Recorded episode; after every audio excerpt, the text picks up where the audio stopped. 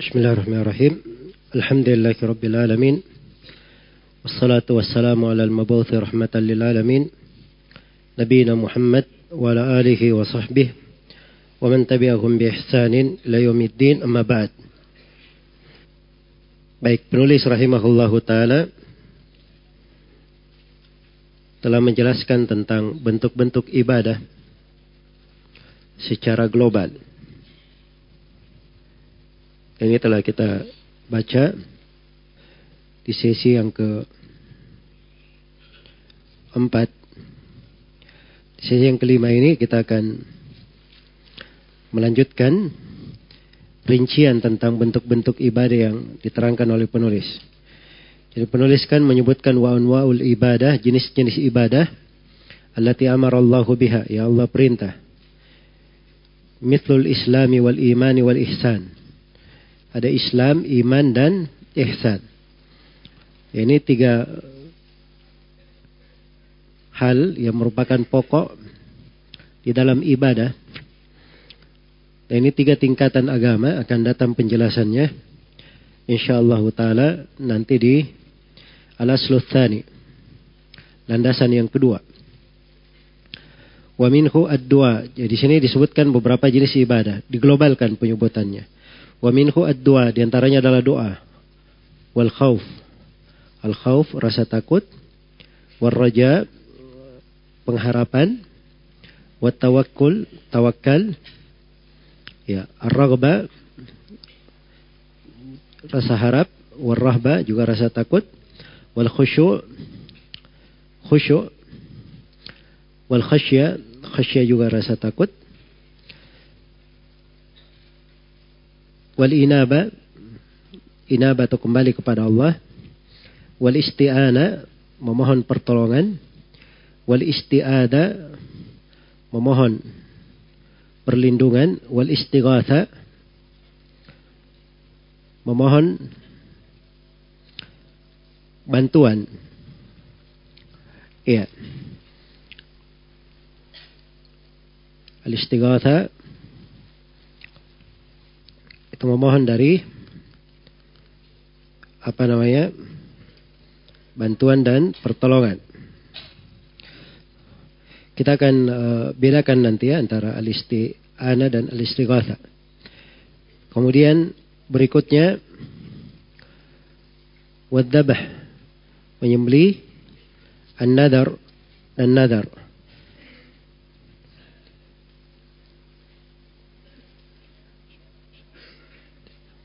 Jadi ini ada 14 jenis ibadah diberi contoh oleh penulis rahimahullahu taala. 14 jenis. 14 jenis ini akan beliau sebutkan dalilnya satu persatu. Iya.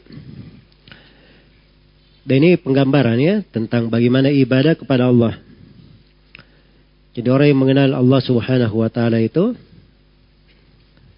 itu dia mengenal ibadah kepadanya. Karena Robnya adalah yang dia ibadahi. Maka dia paham apa itu ibadah. Dan dia mengerti bentuk-bentuk dari ibadah tersebut. Ini dijelaskan oleh penulis 14 contoh ibadah. Dan sekali lagi ini bukan mencakup seluruh jenis ibadah. Tapi ini percontohan. Disebutkan, yang disebutkan oleh penulis. Rahimahullahu ta'ala. Baik, beliau mulai dari doa. Di halaman 23. Pertama doa. Kata penulis rahimahullah wa fil hadithi ad-du'a'u mukhul ibadah. Dan di dalam hadith Maksudnya di dalam hadith Rasulullah sallallahu alaihi wasallam bersabda ad-du'a'u mukhul ibadah doa itu adalah mukhu al-ibadah. Al-mukh itu artinya intinya. Iya. Intinya atau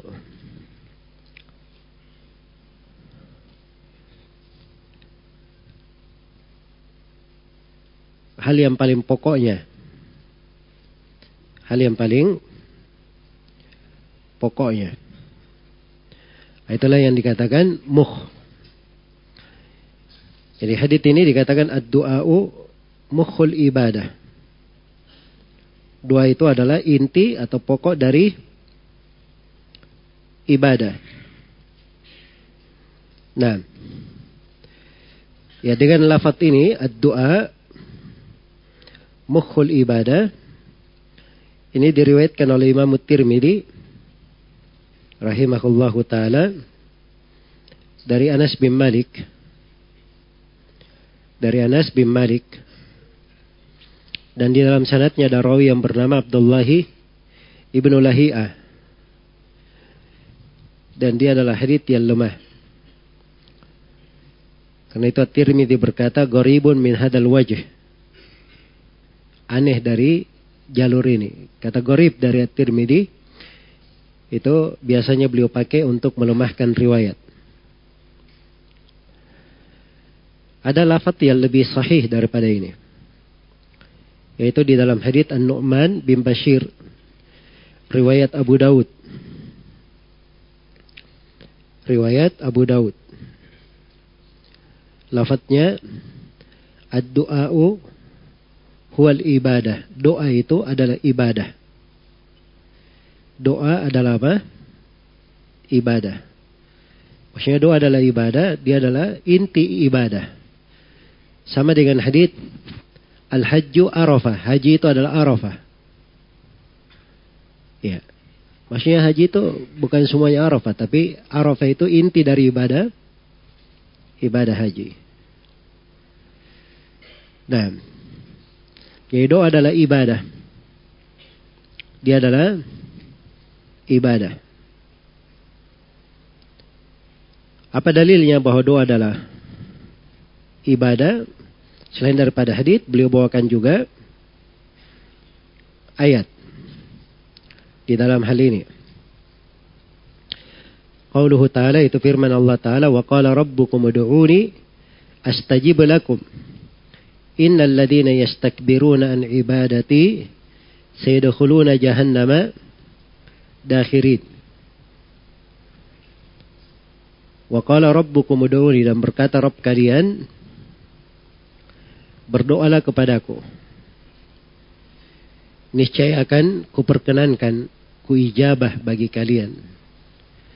Innal ladina yastakbiruna an ibadati sesungguhnya orang-orang yang menyombongkan diri dari menyembahku dari beribadah kepadaku sayadkhuluna jahannama dakhirin akan masuk neraka jahanam dalam keadaan hina dina Maksudnya dalam keadaan dihinakan. Iya. Sini saya poinkan tiga pembahasan. Pembahasan yang pertama, ta'rifud doa. Definisi dari doa. Ya, doa itu punya dua makna ya. Di dalam syariat. Ada makna umum dan ada makna khusus. Ya, doa dengan makna umum dia adalah imtithalu khitab syara al-muqtarinu bil hubbi wal khudu sama dengan definisi ibadah inilah yang disebut dengan doa ibadah iya jadi imtithalu khitab syara menjalankan perintah syariat disertai dengan kecintaan dan menyerahkan diri. Dan mana yang kedua dari doa adalah mana khusus yaitu talabu al-abdi min rabbih yanfa'uhu wa dawamahu wa daf'a ma yadurruhu wa raf'ahu. Seorang hamba meminta dari Robnya untuk mendapatkan apa yang bermanfaat baginya dan supaya yang bermanfaat ini kekal atau terus menerus bersamanya serta menolak apa yang membahayakannya dan mengangkat bahaya tersebut. Iya. Jadi ini doa yang biasa kita sebut dengan permohonan. Karena itu di poin yang kedua saya jelaskan bahwa ad-du'a'u naw'an, doaul ibadah wa doaul masalah. Doa itu ada dua, ada doa ibadah dan ada doa apa? Permohonan. Jadi doa ada berapa? Ada dua. Ada doa ul ibadah dan ada doa permohonan. Doa ibadah, doa bermakna ibadah. Jadi sama dengan definisi ibadah. Iya. Dan doa yang kedua itu doa permohonan. Inilah yang biasa dalam bahasa Indonesia kita ya. Kalau si fulan berdoa, artinya dia memohon kepada Allah Subhanahu wa taala guna meraih apa yang dia inginkan, dia dapatkan manfaatnya terus kontinu bersamanya atau menolak bahaya darinya, mengangkatnya. Nah, ini doa disebut dengan nama doa masalah. Jadi doa ada dua, ada doa ibadah dan ada doa apa? Masalah. Ada doa ibadah dan ada doa permohonan. Iya. Jadi ini dua jenis doa.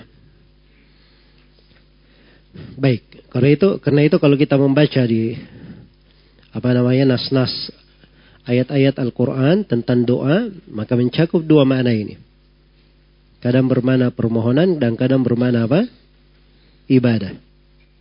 Kadang bermana ibadah. Dan yang namanya doa semuanya adalah milik Allah. Tidak boleh diserahkan kepada selain Allah. Dia adalah ibadah.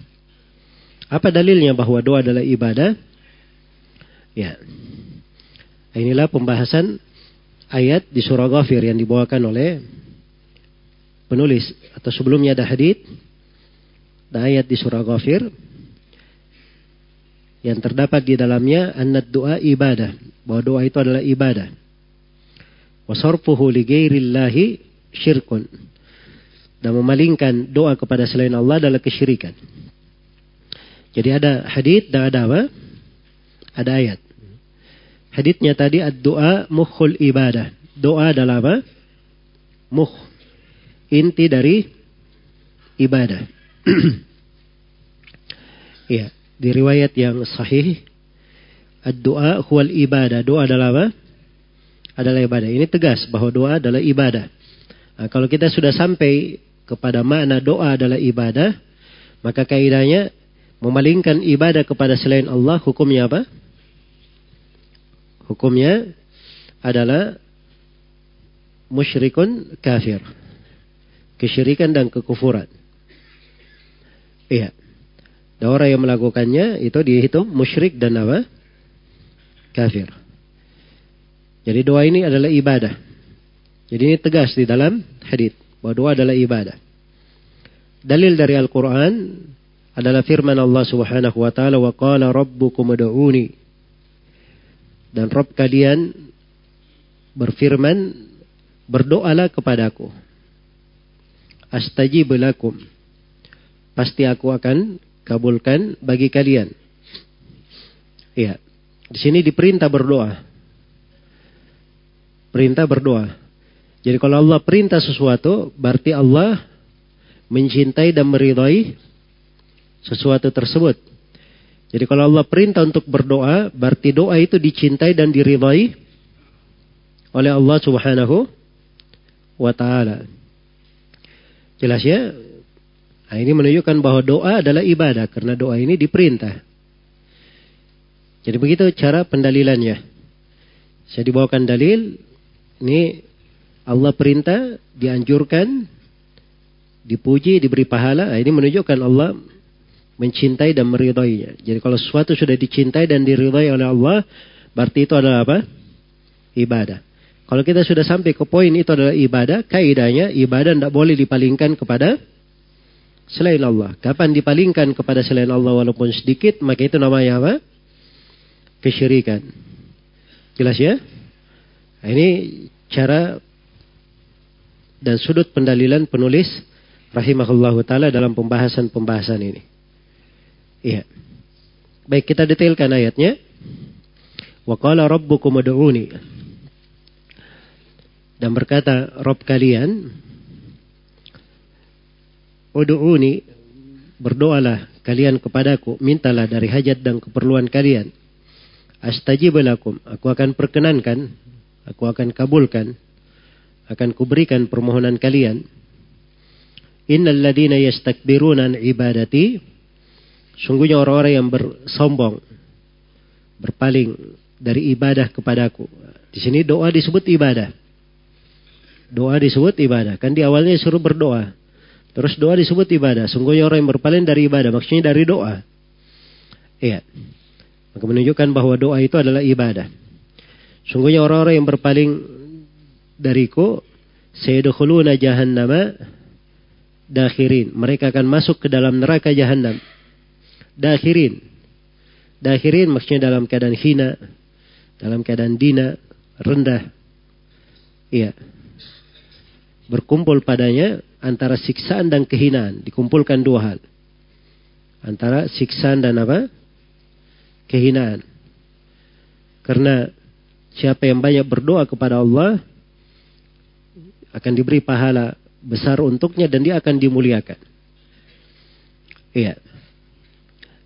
Karena itu doa di dia dengan dua definisinya, doa ibadah dan doa masalah ini dua-duanya perkara yang agung di dalam apa? di dalam syariat kita. Itu perhatikan di surah Al-Anbiya ya. Surah Al-Anbiya itu surah menjelaskan tentang para nabi. Dan salah satu pokok penekanan surah ini ingin ditampakkan bagaimana ibadahnya para nabi. Dan subhanallah kebanyakan yang disebut di dalam surah ini itu doa-doanya para nabi. Bagaimana mereka bermohon kepada Allah Subhanahu wa taala. Ya supaya diketahui bahwa doa itu dia selalu bermohon kepada Allah itu menunjukkan pengagungan hatinya kepada Robnya dan dia menyadari kelemahan dirinya sehingga dia selalu bermohon kepada Allah ya tidak ada kesombongan pada dirinya bagaimanapun dia berhasil dia sukses dibukakan dari pintu-pintu dunia, pintu kebaikan, dia selalu bermohon kepada Allah. Iya. Karena dia menyadari dirinya sebagai hamba, seorang yang fakir kepada Allah Subhanahu wa taala. Baik. Jadi ini doa adalah ibadah. Ya kalau dia sudah ibadah, kaidahnya ibadah itu harus ikhlas untuk Allah Subhanahu wa taala. Kapan dipalingkan kepada selain Allah, maka itu menjadi apa? Itu menjadi kesyirikan. Baik. Berikutnya yang kedua, al-khawf.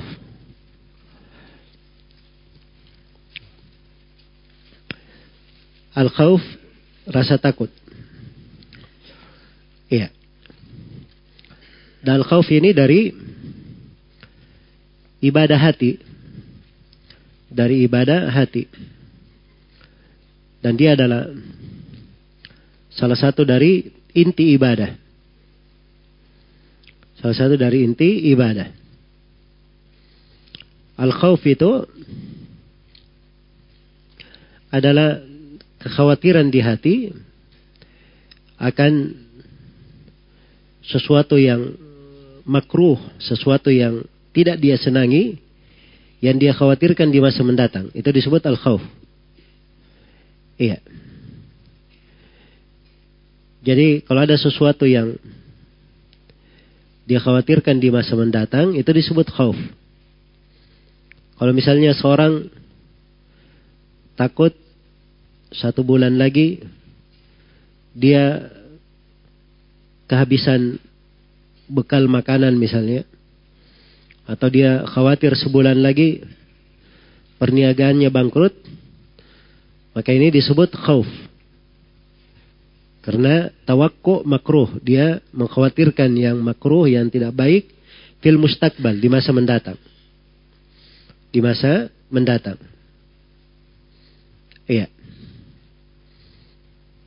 Dan di sini ada beberapa kata ya di dalam apa namanya pembahasan ibadah. Ada al-khawf, ada al-wajal, ada al-khasyah, dan ada ar-rahbah. Ada ar-rahbah. Ini lafat-lafat mutakaribah. Berdekatan. Maknanya tapi tidak sama. Iya. Jadi kalau al-khawf itu itu kekhawatiran di masa mendatang. Kalau al-wajal al-wajal itu apa yang dia khawatirkan di masa sekarang. Yang terjadi sekarang. Jadi kalau misalnya seorang itu melihat singa, nah ini disebut wajal namanya. Dia melihat singa sekarang takut darinya itu disebut wajal. Jelas ya? Nah, ini perbedaan antara al-khawf dan al-wajal. Adapun al-khasyah dan al-rahba akan kita terangkan nanti. Akan datang di definisi penulis rahimahullahu taala. Iya. Jadi khauf ini adalah ibadah. Apa dalilnya bahwa khauf adalah ibadah? Kata penulis rahimahullah wa dalilul khaufi. Iya. Maksudnya dalil bahwa khauf adalah apa? Adalah ibadah. Dalil bahwa khauf adalah ibadah. Begitu maksudnya. adalah firman Allah Subhanahu wa taala Qauluhu ta'ala, "Fala takhafuhum wa khafuni in kuntum mu'minin." Janganlah kalian takut kepada mereka. Maksudnya kaum musyrikin, tapi takutlah kalian kepadaku kalau memang kalian itu beriman. Baik, saya sudah definisikan apa itu khauf. Sisa bentuk dari khauf itu apa? ya bentuk dari khauf. Sebelum kita bicara bentuk, ada baiknya kita lihat pembahasan yang ketiga, tafsir ayat allati fiha annal khauf ibadah. Tafsir ayat yang menunjukkan bahwa khauf adalah apa? Ibadah. Iya. Kita sampai dulu ke pembahasan khauf adalah apa? Ibadah. Jadi ayat ini dikatakan fala takhafuhum. Jangan kalian takut kepada mereka. Mereka siapa? Kaum musyrikin. Sebab ini memang ayat di surah Al-Imran ya. Pembahasan sebelumnya terkait dengan perang Ahzab. Disebut dengan perang Khandaq. Jangan kalian takut kepada mereka. Wakhafuni dan takutlah kalian hanya kepadaku. In kuntum mu'minin. Kalau memang benar kalian beriman. Maka khauf di sini adalah ibadah. Sisi ibadahnya ada tiga dari ayat. Yang pertama kita dilarang khauf kepada kaum musyrikin. Sebab ini adalah hal yang merupakan milik Allah Subhanahu wa taala. Kemudian yang kedua, diperintah khauf itu kepada Allah. Nah, sesuatu itu apabila diperintah oleh Allah kepadanya menunjukkan bahwa sesuatu itu dicintai. Apabila, apabila diperintah untuk takut kepada Allah menunjukkan bahwa rasa takut ini dicintai oleh Allah Subhanahu wa taala. Jadi kalau kita sudah sampai sesuatu ini dicintai oleh Allah, maka itu adalah apa? Hah? Itu adalah ibadah. Kemudian yang ketiga dari sisi pendalilan in kuntum mu'minin. Dijadikan khauf ini sebagai syarat keimanan. Ya, menunjukkan bahwa dia adalah ibadah. Yang tampaknya itu tidak dianggap sebagai orang yang beriman. In kuntum mu'minin. Baik. Jadi al-khauf adalah ibadah. Bahkan dia adalah ibadah yang sangat besar. Dari sebab kesolehan hati, kebaikan hati. Iya. Karena itulah pokok penghambaan yang hendaknya ada di hati hamba itu ada tiga ya. Ada khauf, ada roja, dan ada al-hub, rasa cinta. Mahabbah kepada Allah subhanahu wa ta'ala. Ya, karena itu di dalam Al-Quran disebutkan ya para nabi. Bagaimana rasa takutnya kepada Allah. Nabi Nuh berkata, Inni akhafu alaikum adaba yaumin azim. Saya takut atas kalian siksaan hari yang sangat dahsyat. Itu juga yang diucapkan oleh Nabi Shu'aib dan Nabi kita Nabi Muhammad sallallahu alaihi wasallam. Beliau berkata, dikatakan kepada Nabi Muhammad, "Qul inni akhafu in asaitu rabbi adaba yaumin azim." Katakanlah sesungguhnya saya ini takut kalau saya bermaksiat kepada Rabbku saya takut siksaan di hari yang sangat dahsyat, hari yang sangat besar. Iya. Dan berbicara tentang khauf, ini pembahasan yang luas ya, sebab fikih dari ibadah yang sangat agung. Iya. Baik. Jadi ini yang disebut dengan nama al-khawf. Rasa takut kepada Allah Subhanahu wa taala. Nah boleh rasa takut itu hilang dari hati seorang hamba. Sebab kapan rasa takut berpisah dari hati, pasti akan merusak hati itu. Itulah yang dikatakan oleh Abu Sulaiman Ad-Darani rahimahullah, "Ma faraqal khawfu qalban illa kharib." Tidaklah hati itu berpisah dengan rasa takut kecuali hatinya akan menjadi rusak. Hatinya akan menjadi rusak. Iya. Kalau kita sebutkan ayat-ayat tentang khauf itu banyak ya. Tentang khauf. Waliman khafa maqama rabbih jannatan. Bagi siapa yang khauf terhadap kedudukan Robnya, dia dapat dua sorga. Nah, ini dua sorga ini, ini untuk orang yang memiliki derajat khauf. Iya. Kan di surah Rahman itu ada dua sorga. Yang paling tinggi, ada lagi dua sorga di bawah. Nah, ini dua sorga yang paling tinggi. Itu disebutkan waliman khafa maqama rabbih. Bagi siapa yang takut kepada makam Rabbihi, kedudukan Robnya. Dan takut kepada kedudukan Rob, kedudukan Rob di situ ditafsirkan dengan dua penafsiran. Penafsiran yang pertama, kedudukan Rob bermakna keagungan dan kebesaran Allah. Dia takut akan kebesaran Allah, keagungannya. Ya, dan ini tidak lahir dari kecuali dari orang yang mengenal Allah Subhanahu wa taala. Kemudian yang kedua, maqam rabbih dia takut ketika berdiri di depan Allah mempertanggungjawabkan amalan. Karena itu dia selalu mempersiapkan amalannya, memperbaiki dari ketaatannya. Karena dia khawatir berdiri di depan Allah terus dia dapatkan catatannya tidak bagus atau amalannya tidak baik. Iya. Maka ini dua penafsiran. Waliman khafa maqama rabbih. Bagi siapa yang takut kedudukan Robnya. Iya.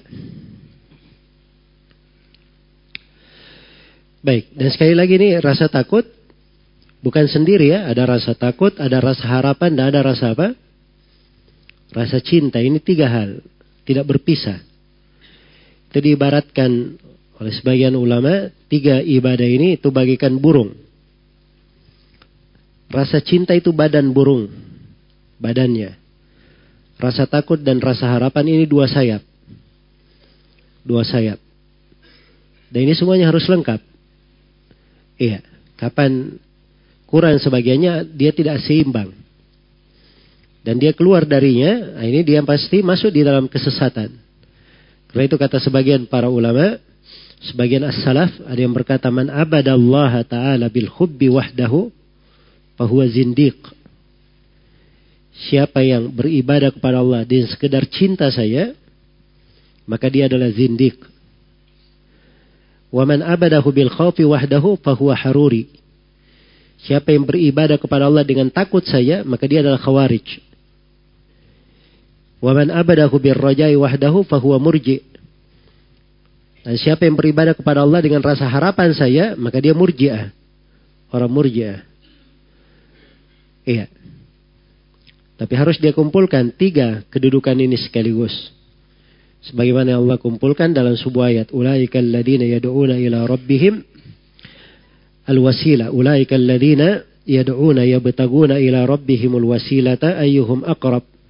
Wa yarjuna rahmatahu wa yakhafuna adabah.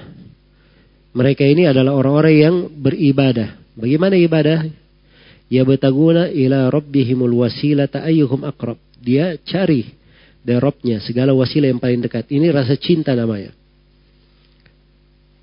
Wa yarjuna rahmata. Mereka punya roja terhadap rahmat Allah. Wa adabah. Dan mereka takut kepada adabnya. Jadi kumpulkan tiga ibadah ini dalam sebuah ayat. Baik. Dan rasa takut yang benar itu rasa takut yang menyebabkan adanya harapan. Jadi kalau ada yang rasa takutnya membuat dia putus asa dari kehidupan dunia, Hah? Membuatnya apa namanya sulit beribadah, maka ini bukan rasa takut yang benar. Sama kalau dia berharap. Kalau dia berharap tidak menghasilkan rasa takut, maka ini juga harapan yang tidak benar. Iya. Itu gurur namanya. Baik, jadi harus seimbang rasa takut dan rasa harapan. Baik, aksamul khauf. Bentuk-bentuk rasa takut ini. Rasa takut itu ada beberapa jenis, ada beberapa bentuk. Iya. Ada empat bentuk rasa takut. Yang pertama adalah khauful ibadah, rasa takut ibadah. Ini yang kita bahas ini ya, rasa takut ibadah. Yang dia dengan rasa takut ini beribadah kepada Allah dengannya. Dengan rasa takutnya. Iya. Baik. Nah, ini dipalingkan kepada selain Allah, ini adalah syirik akbar. Jadi kalau ada yang dia beribadah kepada selain Allah dengan rasa takut, maka itu syirik akbar. Jelas ya? Ini rasa takut yang pertama. Rasa takut yang kedua, dari bentuk rasa takut ada namanya khaufus sir. Iya rasa takut kepada sesuatu yang rahasia. Misalnya dia takut kepada penghuni kubur. Dia takut kepada seorang dari makhluk. Iya. Yang mana yang dia takut ini dia khawatir tertimpa dengannya. Maka opus syirik ini juga dihitung dari syirik akbar. Dihitung dari apa? Syirik akbar. Nah, seperti orang yang kalau dia tidak pergi ziarah ke kuburan wali misalnya, dia khawatir akan berantakan perniagaannya. Dia akan tertimpa musibah. Ini khawfus syir. Ini syirik akbar namanya. Iya. Baik. Nah ini banyak terjadi ya di tengah umat Islam. ada sebagian masyayikh yang menyebutkan kisah ya di Mesir. Katanya ada seorang penumpang taksi dan dia ini orang yang bagus tauhidnya. Begitu jalan pas di pinggir jalan di lampu merah ada peminta-minta. Maka oleh penumpang ini tidak dikasih duit. Maka peminta-minta ini bersumpah dengan nama Badui. Dengan nama Al-Badawi. Al-Badawi ini ini seorang yang dikubur di Mesir. Dan kuburnya diagungkan. Iya. Dia bersumpah dengan nama Al-Badawi kamu beri saya. Ya kata penumpang yang bertauhid ini, kamu bersumpah lagi dengan nama selain Allah. Ya, saya tidak akan memberimu selama-lamanya. Akhirnya berjalan lewat lampu merah. Ya. Tidak ada masalah dengan penumpangnya. Yang masalah ini sopirnya. Kelihatan khawatir, gemetar dia. Ditanya oleh penumpang, ada apa? Ya kamu tadi orang minta dengan nama Badui, kamu tidak kasih. Ya kita, saya khawatir nih, kita kena musibah di jalan. Nah, ini khaufus sir namanya. Nah ini bentuk dari apa? Syirik akbar. Nasallallahu alaihi Dan musibahnya terhadap orang-orang yang berbuat kesyirikan. kadang dibuat semakin larut dalam kesyirikannya. Jadi dinasihati orang ini, sopir taksi ini. Begitu sampai di tujuan, kata si penumpang, apa saya bilang? Tidak ada apa-apa kan? Tidak usah khawatir, tidak takut. Kata sopir taksinya, memang dasarnya Asyid Al-Badawi itu orangnya baik. Ya. Makanya kita selamat katanya. Nah ini perhatikan ya kesyirikan itu bagaimana ketika merasuki hati itu kadang membuat hati itu betul-betul rusak. Nasallallahu alaihi Maka ini bentuk dari khaufus sir. Dan ini kesyirikan. Yang ketiga ada bentuk kesyirikan disebutkan oleh penulis khauf uh, Fathul Majid. Iya. Adalah kesyirikan uh, uh, afwan, uh, bentuk dari khauf yang ketiga dari khauf adalah dia meninggalkan kewajiban karena takut kepada sebagian manusia. Dia meninggalkan kewajiban karena takut kepada sebagian manusia. Dan ini hukumnya adalah haram. Kata penulis Fathul Majid, ini haram. Dan dia adalah bentuk dari syirik yang menafikan kesempurnaan tauhid. Jadi maksudnya syirik asgar. Haram syirik asgar itu bentuk dari kesyirikan yang menghilangkan kesempurnaan tauhid. Tidak menghilangkan seluruh tauhidnya, tapi menghilangkan kesempurnaan tauhid. Baik. Kemudian yang keempat dari khauf, namanya khaufut tabi'i. Rasa takut yang merupakan tabiat manusia. Ya seorang ada api, dia takut memasukkan tangannya. Karena takut terbakar api. Seorang melihat ular, dia lari terbirit-birit. Ya. Melihat singa apalagi. Hah? Kan begitu. Nah, ini khauf namanya khauf apa? Khauf tabi, tabiat manusia itu tidak ada masalah. Yang seperti itu. Baik. Karena itu Nabi Musa alaihissalam dikatakan fakharaja minha khaifan yataraqqab. Nabi Musa keluar dari kota Mesir dalam keadaan khaif, takut dalam keadaan dia mengawasi yang di sekitarnya. Ya, di kejadian ya, di kisah Nabi Musa di surah Al-Qasas itu. Baik. Jadi ini yang disebut dengan al-khauf. Dan itu bentuk-bentuknya. Jadi ada yang ibadah wajib diserahkan kepada Allah, ada yang syirik akbar, ada yang syirik asgar atau haram, dan ada yang dibolehkan dia masuk ke dalam tabiat. Iya.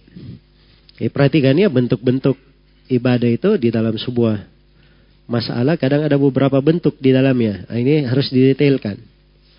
Mana yang boleh, mana yang tidak boleh, mana yang biasa, mana yang tidak biasa. Itu pentingnya seorang itu belajar supaya dia mengerti hukum-hukum. Jelas ya, jangan dikatakan oh takut itu harus kepada Allah. Kalau begitu saya tidak boleh takut kalau ada singa. Saya harus hadapi. Ya. Nanti saya jatuh dalam kesyirikan. Wah ini bahaya juga ya kalau ada yang seperti ini pemahamannya. Iya. Sampai saya pernah dicerita. Ya ini terjadi di sebagian apa namanya pondok putri di Jawa sana. Ya memang pengasuh-pengasuhnya juga orang-orang ekstrim. Ya, cuma punya semangat saya. Tapi belajarnya tidak benar. Katanya ada sebagian santri yang menjemur begitu, ya dimintai tolong sama temannya, ambilkan jemurannya. Katanya tidak boleh minta tolong ke saya, itu syirik namanya. ya. Nah, ini bahaya ya pemahaman-pemahaman yang seperti ini. Kenapa terjadi hal yang seperti ini? Karena apa? Karena dia tidak paham bentuk-bentuk. Jadi dia cuma baca umum.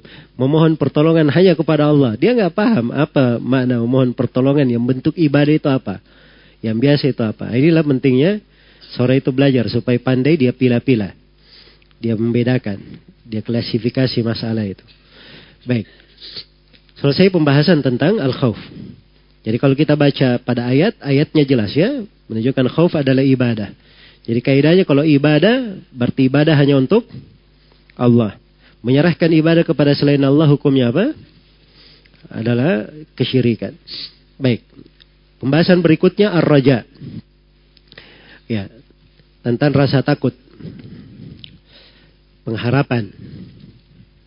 Nah, roja itu ibadah hati juga. Roja adalah ibadah hati. Iya. Roja itu adalah dia menghendaki, dia punya ketamakan untuk meraih sesuatu yang diharapkan. Itu roja namanya. Iya. Jadi dia memiliki kehendak, memiliki semangat, memiliki ketamakan untuk meraih sesuatu yang dia harapkan.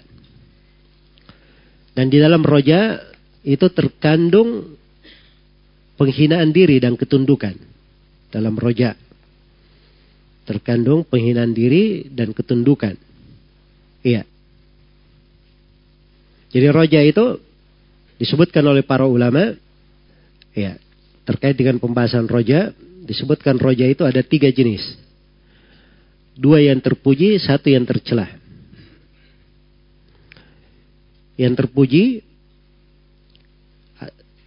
seperti seorang lelaki yang beramal dengan ketaatan. Seorang lelaki beramal dengan ketaatan sesuai dengan petunjuk dari Allah. Dia mengharapkan pahala Allah. Nah, ini terpuji. Jadi beramal ketaatan sesuai dengan petunjuk. Ya jangan beramal saja ya, tapi tidak ada petunjuknya. Harus sesuai dengan petunjuk di atas cahaya Allah. Nah, dia berharap pahala Allah. Makanya harapan di sini terpuji. Yang kedua, seorang berbuat dosa. Lalu dia bertobat dari dosanya. Dia mengharapkan pengampunan Allah dan maafnya. Maka ini juga roja yang dipuji. Seorang berbuat dosa, lalu dia bertobat dari dosanya, dia mengharapkan pengampunan dari Allah dan maaf darinya, maka ini juga terpuji. Iya.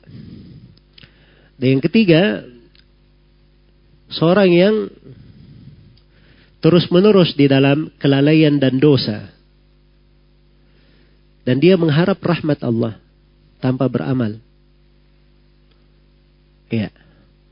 Maka ini yang tercelah. Ini bukan roja namanya. Tapi ini gurur. Ya. Ini namanya tertipu. Berangan-angan. Dan harapan dusta. Bagaimana caranya dia berharap tidak ada amalan? Jelas ya? Baik. Jadi ini yang disebut dengan roja. Iya. Jadi tadi kan kita sebut ada berapa? Ada tiga ya. Khauf, roja dan apa? mahabbah. Tiga ini yang diistilahkan oleh para ulama sebagai muharrikatil qulubi ilallah. Yang menggerakkan hati kepada Allah. Tiga ini. Iya. Tiga ini. Rasa cintanya ini yang membuat dia berarah. Ada arahnya. Rasa harapannya ini yang membawa dia berjalan ke depan. Rasa takutnya ini yang menghardik dari belakang. Makanya yang menggerakkan hati kepada Allah itu ada tiga. Rasa cinta, rasa harapan, dan rasa apa? Rasa takut. Baik.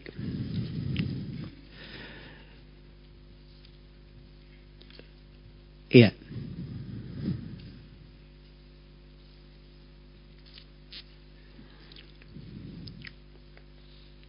Bagaimana roja itu muncul pada diri seorang hamba? Itu ada beberapa sebab. Di antaranya, dia banyak berdikir. Mengingat Allah yang dia cintai. Kemudian yang kedua, dia banyak memperhatikan dari nikmat-nikmat dan karunia Allah Subhanahu wa taala. Iya. Baik. Jadi ini di antara dua sebab ya yang menyebabkan harapan itu menggerakkan hati seorang hamba. Nah, Dan di antara pokok yang memunculkan harapan juga yang ketiga, itu adalah pengetahuan dia tentang Allah, nama-nama dan sifatnya. Ini pembahasan tauhid, asma wa sifat ini luar biasa ya. Ya. Karena itu jangan ada yang pernah terpisah dari pembahasan-pembahasan tauhid. Sebab di pembahasan-pembahasan tauhid itu itu yang memperbaharui amalan-amalan hati. Iya, membuat lurus hati itu istiqamah. Karena itulah para ulama tidak pernah putus mereka dari mengingat tauhid, mempelajarinya, mengajarkannya, ya, membelanya. Sebab di situ terdapat segala kebaikan. Iya. Karena itu kata Ibnu Al-Qayyim, kuatur roja, kekuatan roja itu ala hasbi kuatil ma'rifati billahi wa asma'ihi wa sifati. Kekuatan roja itu sesuai dengan kadar kekuatan pengetahuan dia terhadap Allah, pengetahuannya terhadap nama-nama dan sifat-sifatnya. Baik. Jadi ini definisi roja ya dan pembagian-pembagian atau ya beberapa pembagian seputar roja. Kita sudah terangkan. Jadi dua pembahasan sudah kita lewati ya, ta'rifur roja dan aksamur roja. Sekarang kita lihat dalilnya. Kata beliau wa dalilur raja'i qauluhu ta'ala faman kana yarju liqa'a rabbih amalan salihan wa la yusyrik bi'ibadati rabbih ahada. Dalil roja adalah firman Allah Ta'ala faman kana yarju liqa'a rabbih. Barang siapa yang mengharap Nah, ini roja namanya. Barang siapa yang roja, liqa rabbihi. Liqa perjumpaan dengan Robnya. amal amalan salihah. Hendaknya dia beramal dengan amalan yang salih. Iya. Wala yushrik bi ibadati rabbihi ahada. Dan jangan dia berbuat kesyirikan dengan seorang pun dalam beribadah kepada Robnya dalam beribadah kepada Allah Subhanahu wa taala. Nah, sisi pendalilan dari ayat yang menjelaskan bahwa roja adalah ibadah itu jelas ya. Pertama dipuji roja itu. Kemudian yang kedua diterangkan bagaimana roja yang benar kalau dia mengharapkan perjumpaan dengan Robnya. Diterangkan syaratnya. Ya. Maka ini menunjukkan bahwa dia adalah hal yang dicintai oleh Allah. Dan ini penegasan bahwa roja itu adalah apa? adalah ibadah. Dan banyak ayat ya di dalam Al-Quran tentang roja. Ya di antaranya adalah firman Allah Subhanahu wa taala laqad kana lakum fi rasulillahi uswatun hasanah liman kana apa? Yarjullaha wal yawmal akhir wa dzakarallaha katsira. Telah ada untuk kalian pada diri Rasulullah sallallahu alaihi wasallam suri teladan yang baik bagi siapa yang roja mengharapkan Allah hari akhirat dan banyak mengingat kepada Allah. Nah, jadi itulah sifatnya orang-orang yang beriman. Orang yang tidak memiliki roja, ini klasifikasinya kepada orang-orang kafir. Ya, disebutkan di dalam Al-Quran, Innal ladina la yarjuna liqa'ana waradu bil hayati dunya watma'annu biha walladina hum an ayatina ghafilun Ulaika ma'wahumun naru bimakanu yaksibun. Orang-orang yang tidak mengharapkan berjumpa dengan kami. Jadi kalau dia tidak ada harapan, roja, berjumpa dengan Allah, ya maka ini yang disebut dalam ayat. Dia tidak berharap berjumpa dengan Allah. Ridho dengan kehidupan dunia. Merasa tenang dengan dunia. Dan mereka lalai dari ayat-ayat kami. Ini naudzubillah ya, kalau berkumpul empat sifat ini, ya, tidak mengharap berjumpa dengan Allah, dia cinta sekali dengan dunianya, merasa tenang dengan dunia itu, ya ketenangannya itu kalau dapat dunia baru dia tenang. Kalau tidak dunianya dia tidak tenang. Dan yang keempat, dia lalai dari ayat-ayat Allah. Kalau berkumpul empat sifat ini, dikatakan ulai kama nar. Mereka ini tempat tinggalnya adalah neraka. Bimakanu yaksibun. Karena amalan yang mereka kerjakan. Jadi dalil-dalil tentang roja itu banyak. Ya. Semuanya menunjukkan bahwa roja adalah apa? Adalah ibadah. Ibadah itu hanya diserahkan kepada Allah Subhanahu wa taala. Baik. di sini di ayat terkait dengan ayat tafsirnya, "Faman kana yarju liqa'a rabbih", barang siapa yang mengharapkan perjumpaan dengan Robnya. Ya, dan ini terbuka untuk siapa saja. Setiap orang itu punya harapan. Ya, jangan dia merasa dirinya tidak ada harapannya. Wah saya sudah berusaha, sudah berupaya. Berulang kali begini dan begitu. Kelihatannya saya ini tidak diciptakan untuk itu. Ya. Nah, ini orang putus asa namanya. Putus harapan. Dan itu tidak diperbolehkan. Ini terbuka untuk siapa?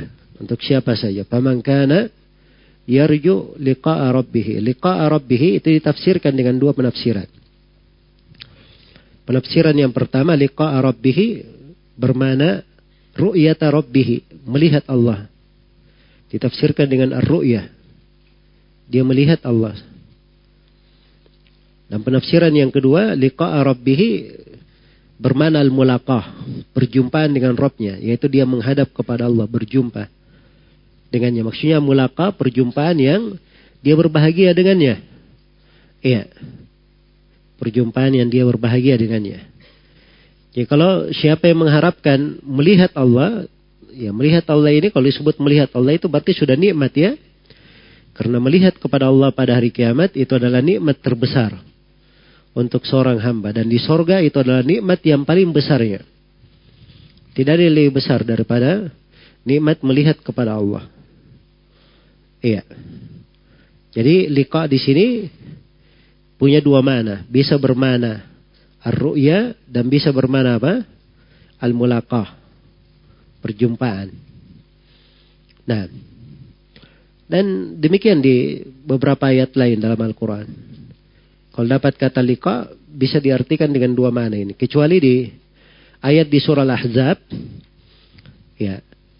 Itu liqa di situ hanya ditafsirkan dengan mana melihat dengan mata kepala. Tahiyatuhum yawma yalqawnahu salam.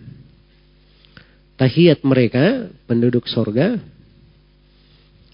untuk penduduk sorga yalqawnahu hari mereka melihat Allah dengan mata kepalanya salam. Dikatakan kepada mereka salam. Di situ yalqaunahu dari kata liqa.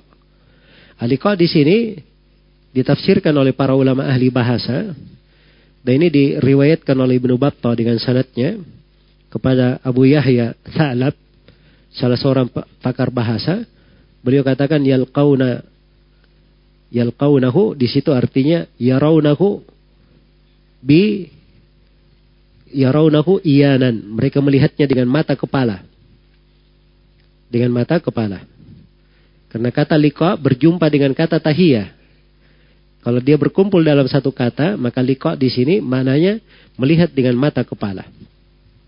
Jelas ya? Dan ini dimaklumi secara bahasa. Dan ini dari ayat-ayat Al-Quran yang membantah ahlul bidah yang mengingkari Allah dilihat pada hari kiamat. Ya subhanallah ya, Al-Quran itu kalau seorang paham bahasanya, dia akan semakin banyak manfaat dia dapatkan. Karena itu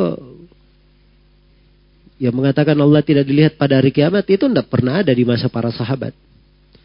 Sebab mereka ahli bahasa. Ketika Al-Quran dibacakan, mereka paham maknanya. Itu turun dengan bahasa mereka. Paham artinya. Nah, ini muncul belakangan ini orang-orang yang keliru pemahamannya. Kenapa dia tidak mengerti bahasanya? Ya, seperti kata liko. Kata liko kalau dia buka kamus bahasa Arab mungkin liko artinya berjumpa. Ya, tidak diartikan melihat. Tapi kalau dia lihat di kamus-kamus lebih bagus di sisi bahasa dia akan temukan mana liko ada juga makna melihat. Bahkan bisa bermana melihat dengan mata kepala. Itu kalau berjumpa dengan kata apa? Kata tahiyah. Nah, itu bahasa Arab seperti itu, penggunaan kalimat-kalimat. Dia di sini maknanya begini, di sini maknanya begini, di sana maknanya begini. Dan itu dikenal di kalangan orang Arab dari bahasa mereka. Jelas ya? Baik, karena itu banyak orang yang keliru di dalam memahami pembahasan-pembahasan akidah, dia tidak mengerti bahasa. Dia tidak mengerti bahasa. Iya. Nah itu seorang tidak cukup dia apa namanya apalagi orang ajam ya kayak kita itu dia hanya lihat terjemahan saya. Dia baca terjemahan. Dia buka kamus-kamus bahasa Indonesia, terjemahan bahasa Indonesia. Ya dia terjemahkan dengan ayat-ayat dan hadis itu tidak benar ya. Dia baca tafsir ayatnya bagaimana di kalangan para ulama, tafsir hadisnya. Itu lengkap buku-buku yang menerangkannya, yang menjelaskannya. Itu baru ilmu namanya. Baru ilmu. Ya apalagi orang yang cuma memahami agama hanya baca tafsir atau hanya baca terjemahan makna Al-Quran yang tersebar. Dia coba baca dari sana ya bikin pendalilan, kesimpulan, dia cabangkan permasalahan menjadi sepuluh pembahasan. Dari bahasanya, akar bahasanya dia keliru memahami. Ya bagaimana bisa sampai kepada apa? Kepada kebenaran. Baik. Jadi saya kembali kepada ayat, "Faman kana yarju liqa'a rabbih", barang siapa yang mengharap perjumpaan dengan Rabbnya, falyamal amalan salihah. Jadi kalau dia ingin dapat keutamaan itu ada dua syarat dia beramal dengan amalan yang salih dan tidak boleh berbuat kesyirikan dalam ibadah kepada Allah. Amalan salih itu apa? Amalan itu dikatakan salih apabila terpenuhi padanya tiga syarat. Syarat yang pertama, amalan itu ikhlas karena Allah. Syarat yang kedua, amalan tersebut amalan tersebut dilakukan sesuai dengan petunjuk Nabi Shallallahu Alaihi Wasallam. Iya. Dan syarat yang ketiga, amalan tersebut bersih dari kesyirikan. Bersih dari kesyirikan. Nah, ini tiga syarat disebut sebagai amalan salih. Tanpa tiga syarat ini, jangan diharap itu amalan salih. Banyak orang dia beramal buat ketaatan, seakan-akan itu amalan salih. Ya, dia tidak perhatikan definisi amalan salih itu apa. Akhirnya kasihan amalannya. Ada orang di hari kiamat itu dikatakan wa qadimna ila ma amilu min amalin faja'alnahu haba'an mansura. Kami hadapi amalan yang mereka kerjakan lalu kami jadikan amalannya bagikan debu yang berterbangan, tidak dianggap. Amalannya tidak bermanfaat. Iya. Hal nunabbi'ukum bil akhsarina a'mala alladhina dhalla sa'yuhum fil hayatid dunya wa hum yahsibuna annahum yuhsinuna sun'a. Apakah kalian ingin kami beritakan orang yang paling merugi amalannya, orang yang paling merugi ya, adalah orang-orang yang beramal dengan amalan dia sangka di atas kebaikan. Ya. Alladzina apa orang-orang yang tersesat amalannya, hilang amalannya, padahal dia sangka dirinya berbuat baik. Ya, karena itu seorang mukmin tidak seperti itu. Dia pastikan ini amalan saleh ada tiga syarat tadi. Amalan saleh harus ikhlas sesuai dengan petunjuk Nabi dan bersih dari apa? Kesyirikan. Iya, pelakunya harus seorang mukmin bukan musyrik. Kemudian disebutkan di sini wala yusyrik bi ibadati rabbih ahada.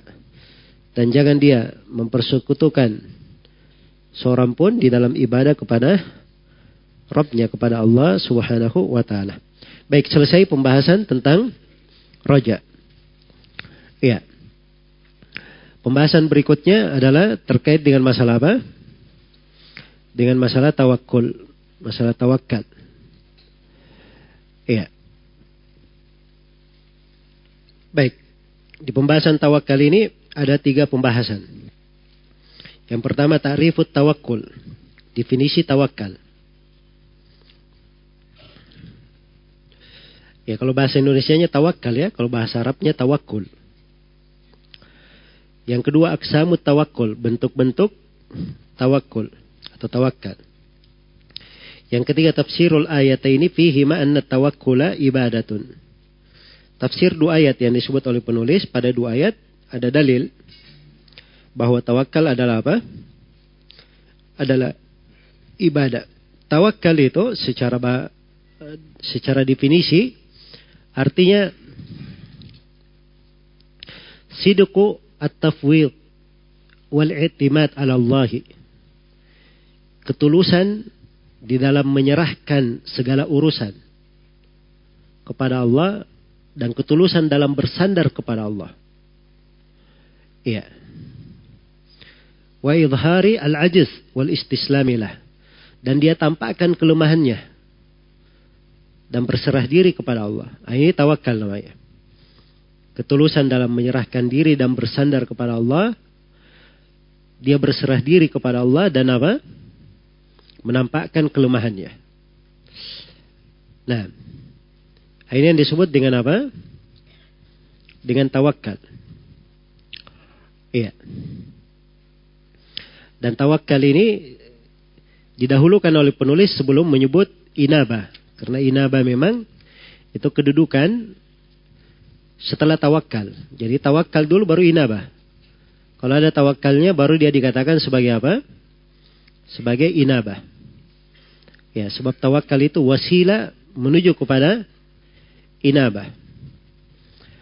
Hakikat dari tawakal itu ada tiga hakikat pada tawakal. Yang pertama, bersandarnya hati kepada Allah Subhanahu wa taala semata. Bersandarnya hati hanya kepada Allah Subhanahu wa taala semata. Iya. Kemudian yang kedua, dia mengambil sebab. Dia melakukan sebab. Kemudian yang ketiga, dia tidak melihat kepada sebab setelah dia dapatkan apa yang dia cari. Itu hakikat dari tawakal. Jadi kalau misalnya orang tawakal dalam berobat, dia sakit ya berobat. Bagaimana dia tawakal yang benar? Pertama dia sandarkan dirinya kepada Allah Subhanahu wa taala. Dia sakit ini ya. Bagaimana seorang sakit bertawakal kepada Allah? Pertama disandarkan sakitnya kepada Allah. Dia berserah diri. Ya, di situlah ketulusannya berserah diri. Dia tampakkan kelemahannya. Dia bersandar penuh kepada Allah. Nah, ini yang pertama. Yang kedua, dia jalani sebab. Orang sakit perlu sebab sembuh kan begitu. Dia berobat ke dokter. Iya. Karena itu Nabi perintah berobat. Tadawau ibadallah. Berobatlah hamba-hamba Allah. Iya. Karena itu dalam hadits Umar bin Khattab dikatakan oleh Nabi sallallahu alaihi wasallam, "Lau annakum tatawakkaluna 'ala Allahi haqqa tawakkuli la razaqakum kama turzaqut tayr." Tagdu khimasa wa taruhu bitana. Andai kata kalian itu bertawakal kepada Allah dengan sebenar-benar tawakal, maka kalian akan diberi rezeki seperti burung diberi rezeki. Iya. Bagaimana burung diberi rezeki? Dia duduk saja di sarangnya? Hah? Tidak ada ceritanya burung cuma duduk di sarangnya. Terus datang rezekinya. Karena itu di kelanjutan hadis dikatakan dia pergi di waktu pagi dalam keadaan perutnya kosong, kembali di waktu sore dalam keadaan sudah penuh perutnya. Jadi dia keluar mencari rezeki itu mengambil sebab namanya. Mengambil sebab. Jelas ya? Tawakal itu tidak mesti dia punya simpanan. Ya burung itu tidak ada perbendaharaan hartanya. Tidak ada gudang makanannya. Apalagi rekeningnya di bank. Tidak ada dia punya rekening di bank. ya. Tapi disebut tawakal. Karena dia ada upaya. Ada upaya. Jelas ya? Nah, jadi mengambil sebab itu namanya tawakal. Dan itu sudah Allah tentukan dalam kehidupan. Nabi Nuh alaihi salam ketika akan diselamatkan bersama kaumnya disuruh membuat apa? Buat perahu sebab supaya bisa selamat. Itu harus mengambil sebab memang. Allah maha mampu menyelamatkan tanpa buat perahu. Apa sulitnya bagi Allah? Iya. Tapi itu sudah ditentukan, digariskan dalam kehidupan. Harus mengambil apa? Mengambil sebab. Iya. Maryam ketika melahir, akan melahirkan, suruh melahirkan di bawah pohon kurma. Ya, diperintah untuk menggerakkan dari ranting atau dahan kurma itu supaya berjatuhan. Ya, rutop-rutop kurma-kurma basah. Ya, kurma itu di, sebenarnya dipukul dari bawah pun tidak jatuh buahnya itu. Tapi suruh mengambil sebab. Itu kan sebab untuk apa? Jatuh. Ya. Nabi kita Shallallahu Alaihi Wasallam beliau berperang pakai baju besi, masuk ke Mekah pakai topi besi. Nah, ini semuanya mengambil apa? Mengambil sebab namanya. Baik. Jadi itu tawakal. Iya. Itu namanya tawakal. Ada di dalam sebuah riwayat ya, sebenarnya haditnya ada pembahasan di kalangan ulama ahli hadit, ada yang melemahkan, tapi mananya bagus bagi pelajaran. Jadi ada yang datang ke masjid, dia berkendaraan, begitu sampai ke masjid, kendaraannya dia lepas. Ya, dikatakan kenapa kamu lepaskan kendaraanmu? Katanya saya tawakal kepada Allah. Ya, maka dalam hadis dikatakan oleh Nabi kepadanya, ikat dulu kendaraanmu. Setelah ikat, kamu baru tawakal. Ya, baru tawakal. Jadi dia tempuh dulu sebabnya, baru setelah itu apa? Disebut tawakal. Iya. Dia mau selamat misalnya, saya selamat. Ya, pergi naik motor. Saya tawakal kepada Allah supaya tidak ditabrak. Ya, tapi begitu dia jalan, dia jalannya bukan di jalan yang dilewati orang, dia pakai jalan orang yang lain seberangnya. Ya. Harusnya diambil jalur kanan, nah ini jalurnya di mana? Di kiri. Ya, akhirnya uh, terbalik ya. Kalau kita kan di kiri ya. Harusnya di jalur kiri, diambil di jalur apa? Jalur kanan. Oh, saya tawakal kepada Allah. Nah, mungkin dia selamat. Ya. Itu tidak mengambil sebab namanya. Jelas ya? Baik. Nah, ini yang kedua dari tawakal. Yang ketiga tadi dalam berobat. Kalau dia sudah berobat misalnya dia sembuh. Jangan dia bilang, oh ini karena obatnya bagus. Oh ini karena... Tidak, dia sandarkan semata kepada Allah Subhanahu wa taala. Ini semata anugerah dari Allah. Dialah yang memberikan kesembuhan. Nah, inilah hakikat dari apa? Hakikat dari tawakal. Baik. Ada pembahasan-pembahasan lainnya seputar tawakal. Ya, dalam kedetailan-kedetailan ibadah. Ini pembahasan-pembahasan ini sebenarnya terkait dengan amalan hati. kita ada satu buku khusus ya, kita akan kaji nanti. Akan datang insyaallah taala. Ada Manduma As-Syair ilallahi wa daril akhirah. Karya Syekh Abdurrahman bin Nasir As-Sidi. Itu terkait dengan amalan hati. Ada masuk banyak pembahasan. Termasuk tawakal ini. Ya baik. Kemudian bentuk-bentuk dari tawakal. Iya. Bentuk-bentuk dari tawakal. Tawakal itu kalau disebutkan pada bentuk-bentuknya Ya, Syekh Ibn Uthaymin rahimahullahu taala menyebutkan ada empat bentuk tawakal. Ya. Yang pertama adalah bersandar kepada Allah. Nah, inilah yang kita bahas tadi ya dari kesempurnaan keimanan tadi dan dari amalan hati yang sangat agung tawakal kepada Allah Subhanahu wa taala itu yang kita bahas tadi. Yang kedua dari tawakal ada namanya tawakkalus sir, sir. Ini sama dengan khaufus sir itu tadi. Tawakalnya tapi Sini bentuk tawakal sir. Dia bersandar kepada orang yang sudah mati dalam mendatangkan manfaat atau menolak bahaya. Iya. Seperti dia bersandar kepada seorang yang dikubur, kepada seorang wali yang tidak tidak ada yang mampu melakukannya kecuali Allah. Maka ini syirik akbar. Ini masuk ke dalam syirik akbar. Baik, yang ketiga dari apa namanya? bentuk tawakal iya adalah dia bertawakal kepada orang lain pada apa-apa yang bisa dilakukan oleh orang itu tapi dia merasa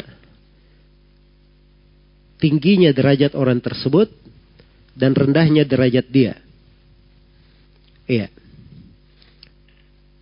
rendahnya derajat dia. Maka ini bentuk dari syirik asgar. Karena kuatnya ketergantungan hati. Dan bersandar kepada itu tadi. Baik. Ini masalahnya di diperhatikannya dengan detail. Ada sekarang orang dia bersandar kepadanya dalam rezekinya. Dia lihat orang ini dia punya kedudukan yang tinggi. Tanpa orang ini dia tidak bisa seperti itu. Ya, maka ini bentuk dari syirik apa? Syirik asgar. Karena dia sangat kuat bergantung kepada orang tersebut. Adapun kalau orang tersebut cuma sebagai sebab saja, dia bersandarnya kepada siapa? Kepada Allah itu nggak ada masalah. Tidak ada masalah. Ya, karena biasa ya seorang misalnya dia ada sebuah bisnis, ada orang-orang tertentu kadang ya kepala kantor kah, dia pemegang kebijaksanaan atau apa. Itu memang wajar ya seorang bersandar kepadanya. Ya, tapi masalah kekuatan sandaran hati. Kalau dia terlalu bersandar kepada orang ini, dianggap derajatnya sangat tinggi berlebihan dan dia sendiri menafikan kedudukannya, merasa sangat apa namanya rendah, maka ini bisa masuk ke dalam syirik asgar. Jelas ya? Baik. Tapi kalau dianggap itu sebagai sebab biasa, hanya sebagai sebab, dia tetap bersandar kepada Allah, maka ini nggak ada masalah. Tidak ada masalah. Baik ini yang ketiga, yang keempat. Yang keempat ini ini lebih cocok disebut sebagai taukil, dia wakilkan. Ya dia wakilkan orang lain untuk mengerjakan apa-apa yang ingin dia kerjakan. Nah, ini disebut oleh Syekh di sini ya. Cuma ini cocoknya disebut dengan nama apa? Taukil, diwakilkan. Iya. Dan mewakilkan itu boleh saja. Diwakilkan orang lain mengerjakan pekerjaannya dia wakilkan orang lain mencari hajatnya. Seperti Nabi Yakub, dia wakilkan anak-anaknya mencari Nabi Yusuf. Kan begitu. Taukil nggak ada masalah. Nabi wakilkan sejumlah sahabat menjaga sedekah, ya memimpin sebagian wilayah. Diwakilkan kepada Ali bin Abi Thalib untuk menyembeli sembelihannya. Nah, ini taukil. Taukil yang seperti ini tidak ada masalah. Baik. Jadi ini empat jenis tawakal di dalam penjelasan Syekh Ibn Uthaymin rahimahullahu taala. Baik, selesai tentang tawakal. Kita berpindah kepada pembahasan berikutnya ar-raghbatu war-rahbatu wal khusyu'. Raghba, harapan, rahba, rasa takut dan khusyu'. Ya, ini tiga ya. Ada dua pembahasan di sini, ta'rifur raghba war-rahba wal khusyu'. Definisinya apa? Kemudian yang kedua, tafsir ayat surah Al-Anbiya yang disebutkan di sini oleh penulis rahimahullahu taala sebagai dalil. Iya, ar-raghbah itu dari sisi definisi dia adalah talabul wusuli ila syai'il mahbub. Iya. Mencari mencari jalan untuk sampai kepada sesuatu yang dia cintai mencari jalan untuk sampai kepada sesuatu yang dia cintai. Iya.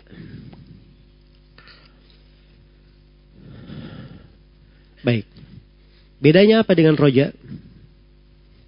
Hah? Roja juga kan tadi mirip seperti itu kan? Iya. Apa tadi definisi roja? Hah?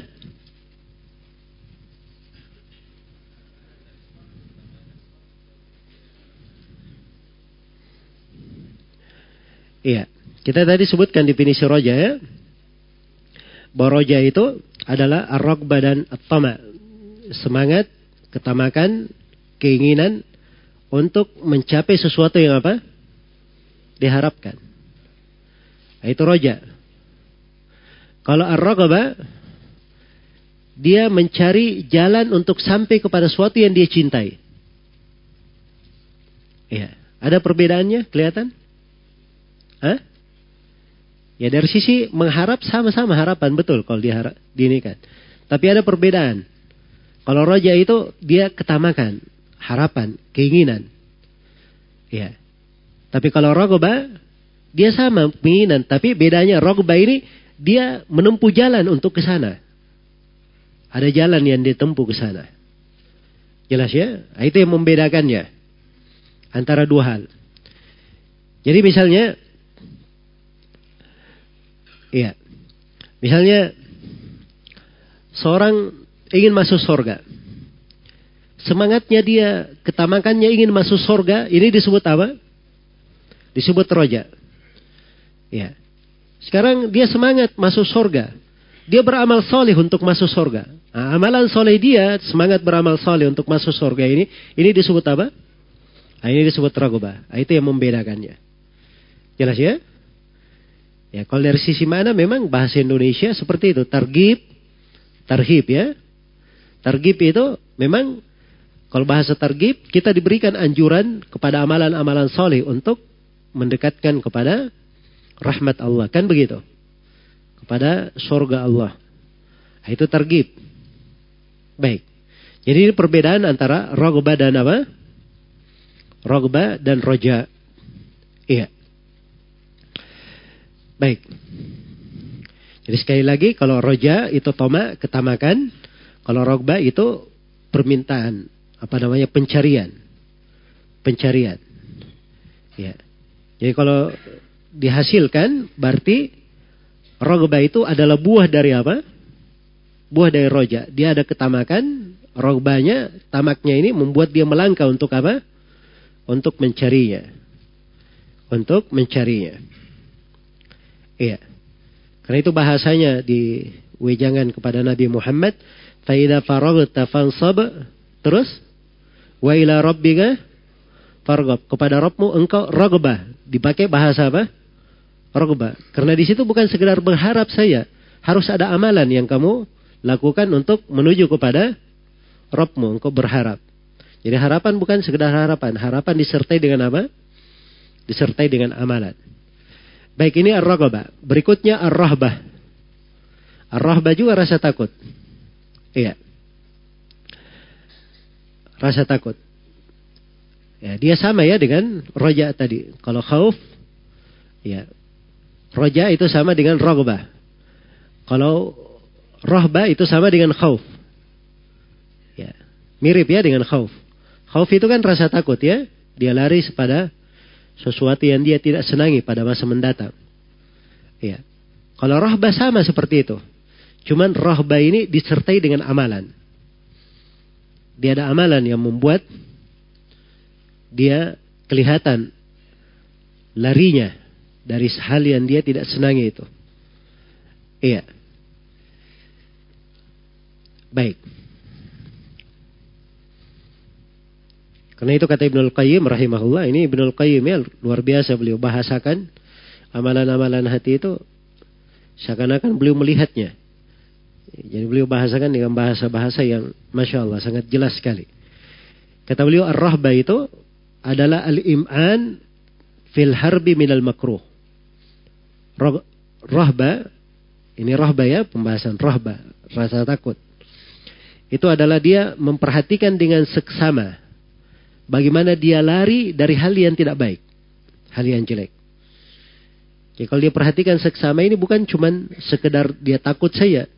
Tapi dia cari jalannya untuk lari. Menghindarinya. Iya. Dia cari dari amalan-amalan yang menghindari dia dari apa yang dia khawatirkan. Apa yang dia takutkan itu tadi. Nah, ini ar-rahbah. Sebagaimana kata beliau, wahiyah diddur rogba. Dan ini di rahba ini lawan dari apa? Rogba. Begitu saja cara mendefinisikannya sebenarnya kadang sederhana. Kalau kita definisikan. Khauf lawannya adalah apa? Roja. Rogba lawannya adalah apa? Rohba. Atau rohba lawannya adalah rogba. Jadi kalau rogba tadi, dia ketamakan disertai dengan amalan. Berarti rohba kebalikannya. Dia adalah kekhawatiran disertai dengan apa? Disertai dengan amalan untuk menghindari apa yang dia khawatirkan. Baik. Jadi demikian. Iya.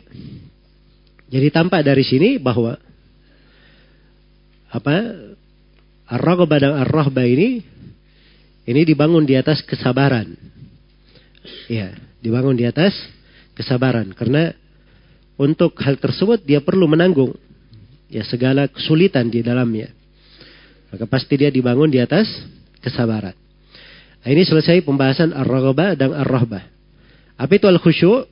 Al-khusyu' adalah ad-dillu li'azamatillahi. Dia merendah kepada keagungan Allah. Iya. Dan khusyuk itu di hati dan di anggota badan. Iya. Hati dan anggota badan. Nah.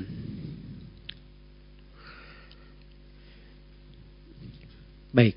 Jadi ini terkait dengan khusyuk. Dia ada ketundukan kepada Allah. Ketundukan kepada Allah, dia tenang, tumak nina. Nah, tenang dan tumak ninanya itu dengan hati dan dengan apa? Anggota badannya. Memang asalnya di hati.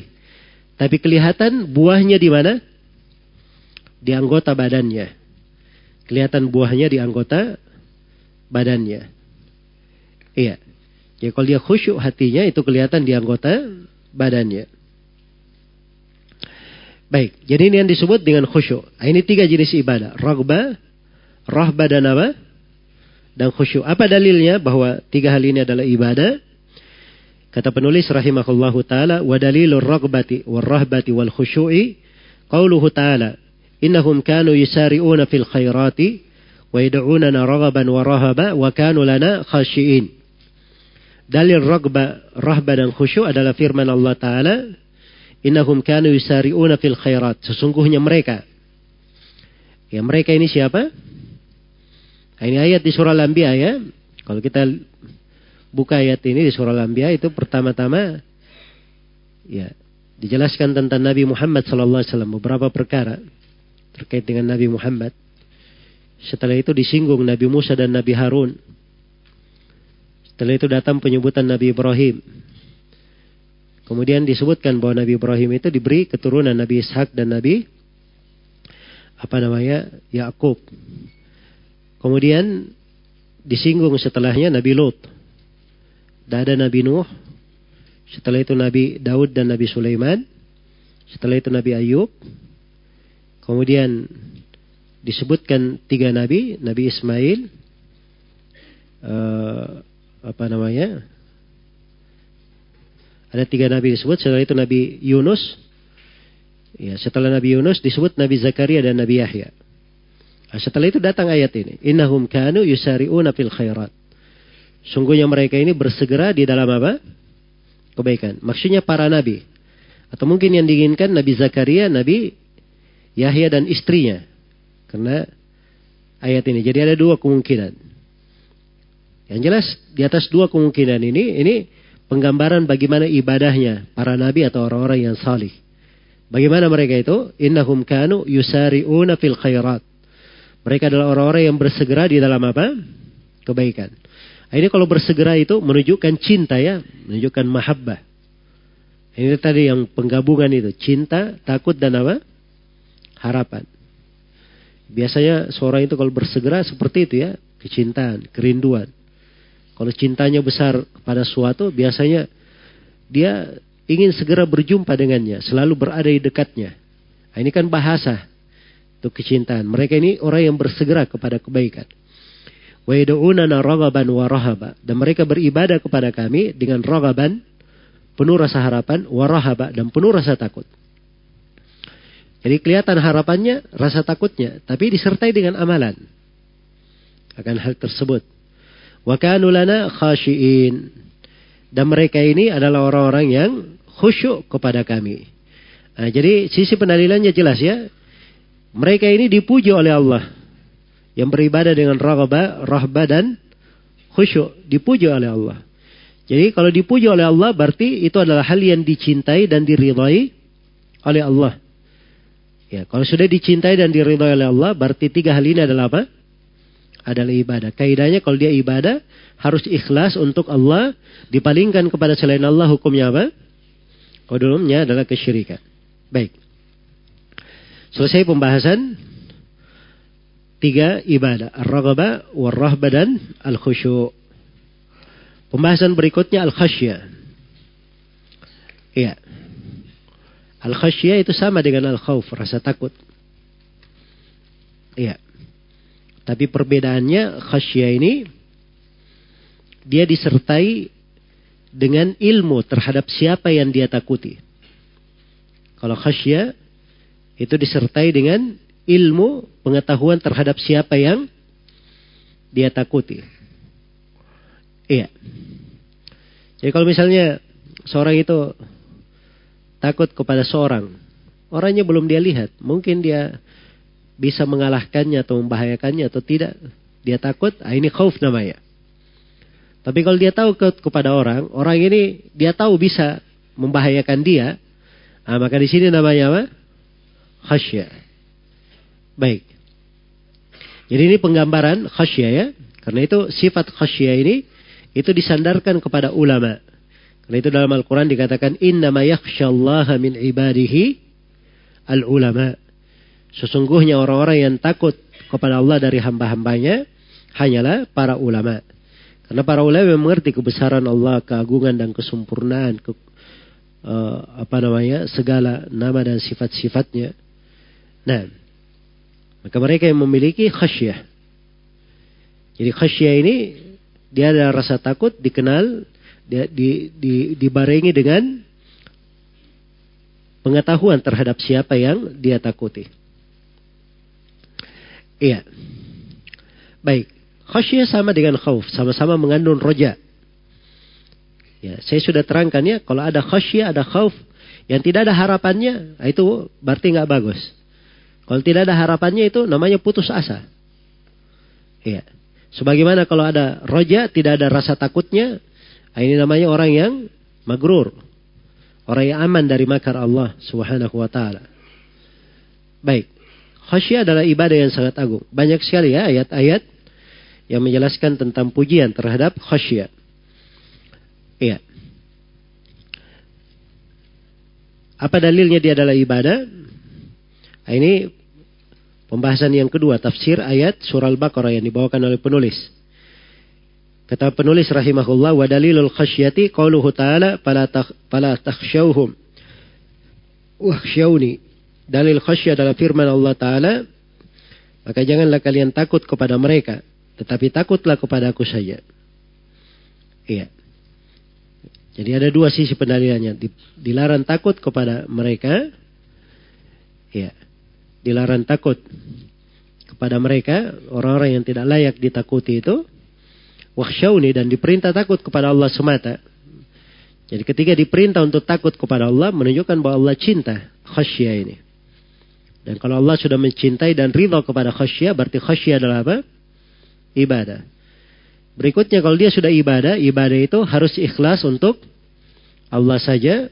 Memalingkan sesuatu dari khasyah kepada selain Allah itu adalah apa? Adalah kesyirikan. Baik. Jadi ini yang disebut dengan khasyah. Rasa takut kepada Allah subhanahu wa ta'ala. Ini akhlak yang sangat besar ya. Ibadah yang sangat agung. Iya dan semuanya khasya, al-khawf, ar-rahba. Nah, ini semuanya ada sebab-sebab yang menyebabkan bisa munculnya rasa takut itu kepada Allah Subhanahu wa taala. Baik, berikutnya adalah al-inabah.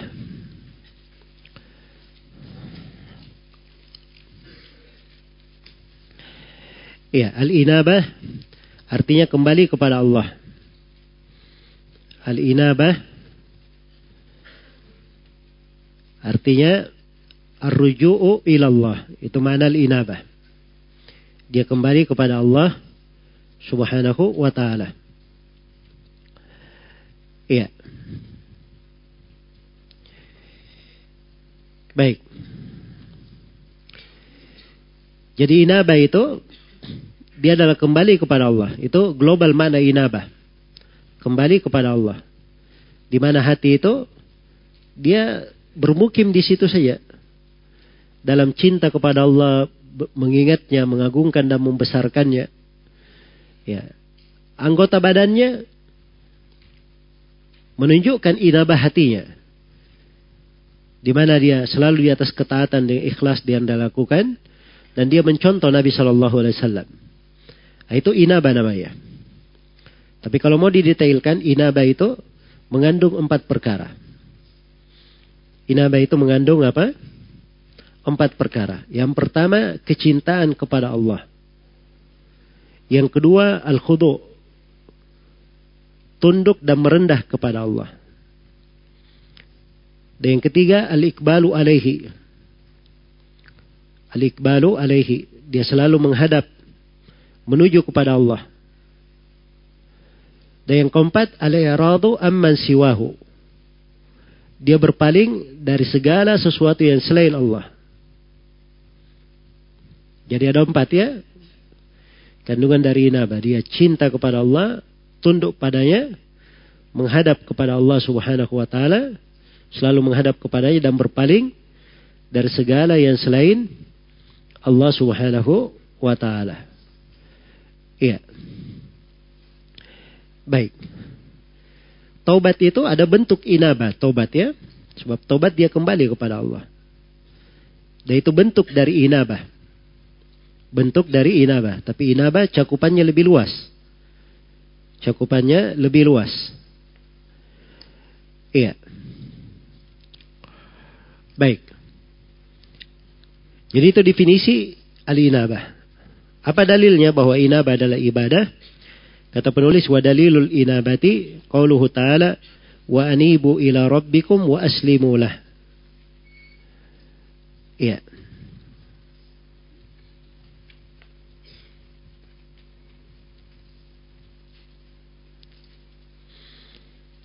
Wanibu ila rabbikum. Dan kembalilah kalian, berinabalah kalian kepada Rob kalian.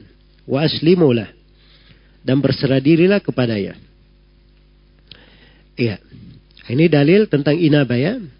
Wa anibu ila rabbikum. Berinabalah kalian kepada Rob kalian wa aslimu lahu dan berislamlah kepadanya. Berislam dengan segala bentuk keislaman. Ya. Karena itu ada Islam namanya Islam kauni dan ada Islam apa? Syar'i. Islam kauni itu adalah ketundukan pada setiap ketentuan Allah Subhanahu wa taala. Ya, dan syar'i adalah ketundukan terhadap syariat Allah. Jadi seorang berserah diri kepada Allah. Dan ini dua kaidah agung di dalam apa? di dalam ibadah, di dalam penghambaan, al-inabah dan al-islamulah. Baik. Jadi ketika Allah perintah wa anibu ila rabbikum berinabalah.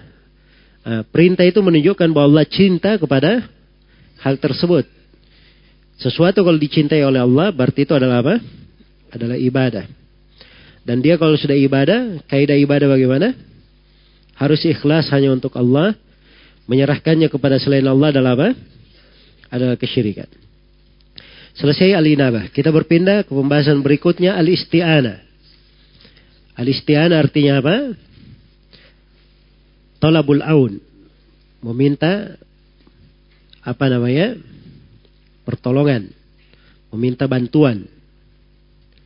Iya. Meminta bantuan. Itu al-isti'anah. Ini jadi kalau dari sisi bahasa tolabul aun. Tapi di dalam isti'anah kepada Allah itu mengandung tiga perkara. Mengandung tiga perkara. Yang pertama, kesempurnaan penghinaan diri kepada Allah. Yang kedua, as-siqatu billahi, dia percaya kepada Allah. Dan yang ketiga, al-i'timadu alaihi. Dia bersandar kepada Allah. Jadi ada tiga. Kesempurnaan, penghinaan diri kepadanya. Asikah, percaya kepada Allah. Dan yang ketiga adalah bersandar kepadanya. Nah, maka siapa yang memenuhi tiga hal ini, itulah yang disebut dengan isti'anah. Memohon pertolongan, memohon bantuan dari Allah subhanahu wa ta'ala. Iya. Baik. Itu di ayat iya kana budu wa ka apa? Nasta'in. Nah, ini akan disebutkan oleh penulis ya. Ini ayat penjelasan tentang dalil isti'anah. Kita baca ya, kata penulis wa dalilul isti'anati qauluhu ta'ala iyyaka na'budu wa iyyaka nasta'in. Dalil isti'anah adalah Firman Allah Ta'ala, Iyaka na'budu wa iyaka nasta'in. Ya, ini ayat di surah apa? Surah Al-Fatihah. Kata para ulama, seluruh kandungan Al-Quran itu kembali kepada surah Al-Fatihah. Dan seluruh kandungan surah Al-Fatihah itu kembali kepada ayat Iyaka na'budu wa iyaka nasta'in. Ya, digabungkan dua hal di sini antara ibadah dan memohon pertolongan kepada Allah Subhanahu wa taala. Iya. Dan di dalam isti'anah terdapat banyak jenis ibadah. Antara iya karena budu dan iya karena stain ini, ini terkandung di dalamnya banyak jenis ibadah. Nah, itulah yang disebut oleh Abu Ismail Al-Harawi dalam kitabnya Manazilus Sairin. Beliau menulis jenjang-jenjang penghambaan antara iya karena budu dan iya karena iya karena stain. Dan ini yang dijelaskan oleh Ibnul Qayyim rahimahullah panjang lebar. Di dalam kitab beliau Madarij As-Salikin. Iya. Ini buku Madarij As-Salikin bagus dibaca ya. Untuk seorang penuntut ilmu. Kalau dia sudah punya kunci-kunci ilmu. Dia baca Madarij As-Salikin bagus. Sekedar dia lewat saja dia baca. Ya itu baik ya. Menambah wawasan dan pengetahuannya. Walaupun ada kalimat-kalimat yang kadang dia perlu diterangkan oleh guru. Mana kalimat-kalimat tersebut. Tapi ini buku motivasi bagus, memperkenalkan kepada kita luasnya amalan-amalan hati itu. Iya. Baik. Jadi sini iya karena buru, iya karena stain. Menunjukkan bahwa istiana adalah apa? Adalah ibadah. Istiana bagian dari ibadah, tapi dikhususkan di sini karena pentingnya istiana itu. Nah, wafil hadithi idastan tafastain billah dan di dalam hadith Apabila engkau memohon pertolongan, maka mohonlah pertolongan kepada Allah. Jadi, kalau mohon bantuan, mohon pertolongan, mohonlah kepada siapa? Kepada Allah Subhanahu wa taala. Baik, isti'anah itu ada beberapa bentuk. Ini pembahasan yang tentang aksamul isti'anah, bentuk-bentuk isti'anah. Syekh Ibn Uthaymin menyebutkan lima bentuk di sini. Yang pertama al-isti'anatu billahi. Isti'anah kepada Allah. Al-isti'anatu billah. Isti'anah kepada Allah saya sudah sebutkan tadi. Mengandung berapa perkara? Mengandung tiga perkara. Iya. Kesempurnaan penyerahan diri kepada Allah. apa Kesempurnaan menghinakan diri kepada Allah. Kemudian yang kedua, percaya kepada Allah. Dan yang ketiga, bersandar kepadanya. Nah ini isti'anah yang bersifat ibadah. Isti'anah yang kedua, nah ini isti'anah yang seperti ini ini tidak boleh diberikan kepada selain Allah. Kapan diberikan kepada selain Allah, maka itu adalah hukumnya apa? Syirik akbar mengeluarkan pelakunya dari keislaman. Iya. Yang kedua, isti'anah kepada makhluk. Pada perkara yang makhluk itu mampu melakukannya. Jadi seorang minta tolong kepada makhluk dalam perkara yang makhluk ini mampu melakukannya. Ini boleh atau tidak? Hah? Saya tanya, ini boleh atau tidak? Boleh? Nah, tidak benar ya kalau bilang boleh. Ini boleh atau tidak? Ya, yang bilang tidak juga salah. Ya. Yang bilang boleh salah, yang bilang tidak juga salah. Ya, dilihat apa yang dia lakukan dulu. Isti'anah pada makhluk pada hal yang apa? Kalau hal yang baik, hal yang boleh secara syariat, nah itu boleh. Tapi kalau hal yang haram, boleh atau tidak? Ya, tidak diperbolehkan. Haram juga hukumnya. Jelas ya? Kalau dia pada hal yang mubah, mubah saja hukumnya. Nggak ada masalah. Baik, jadi istianah kepada makhluk, pada hal yang dia mampu melakukannya, ini dilihat apa jenis istianahnya. Kalau dia amalan kebajikan, nah itu disyariatkan malah. Karena Allah berfirman, wa ta'awanu alal birri wa taqwa tolong menolonglah di atas kebaikan dan ketakwaan. Tapi kalau dia adalah dosa, itu hukumnya apa? Diharamkan karena di kelanjutan ayat wala ta'awanu alal itsmi wal udwan, jangan tolong menolong di atas dosa dan permusuhan. Tapi kalau dia mubah, hal yang sifatnya mubah, maka ini tidak ada masalah, ini dibolehkan. Baik yang ketiga, dari bentuk isti'anah. Isti'anah kepada makhluk hidup hadir tapi dia tidak mampu. Iya. Melakukannya. Nah, ini hukumnya apa? Nah, ini hal yang sia-sia ya dihitungnya. Ya, seorang misalnya lagi ngangkat barang. Terus ada orang yang lumpuh di dekatnya di atas kursi roda. Ya. Dia lagi angkat lemari misalnya. Dia bilang sama orang lumpuh ini, tolong bantu saya angkat lemari. Nah, ini hal yang sia-sia. Jelas ya? Baik, tidak bisa dikatakan, wah itu syirik. Tidak ada kaitannya dengan kesyirikan di sini. Ini hal yang terkait dengan apa? Perkara yang sia-sia. Yang ke, yang keempat, isti'ana terhadap orang-orang mati. Minta tolong dari orang-orang mati atau dari orang-orang yang hidup. Pada perkara gaib yang tidak ada yang bisa melakukannya kecuali Allah Subhanahu wa taala. Nah, ini hukumnya apa? Nah, ini hukumnya syirik akbar. Nah, mengeluarkan pelakunya dari keislaman. Iya.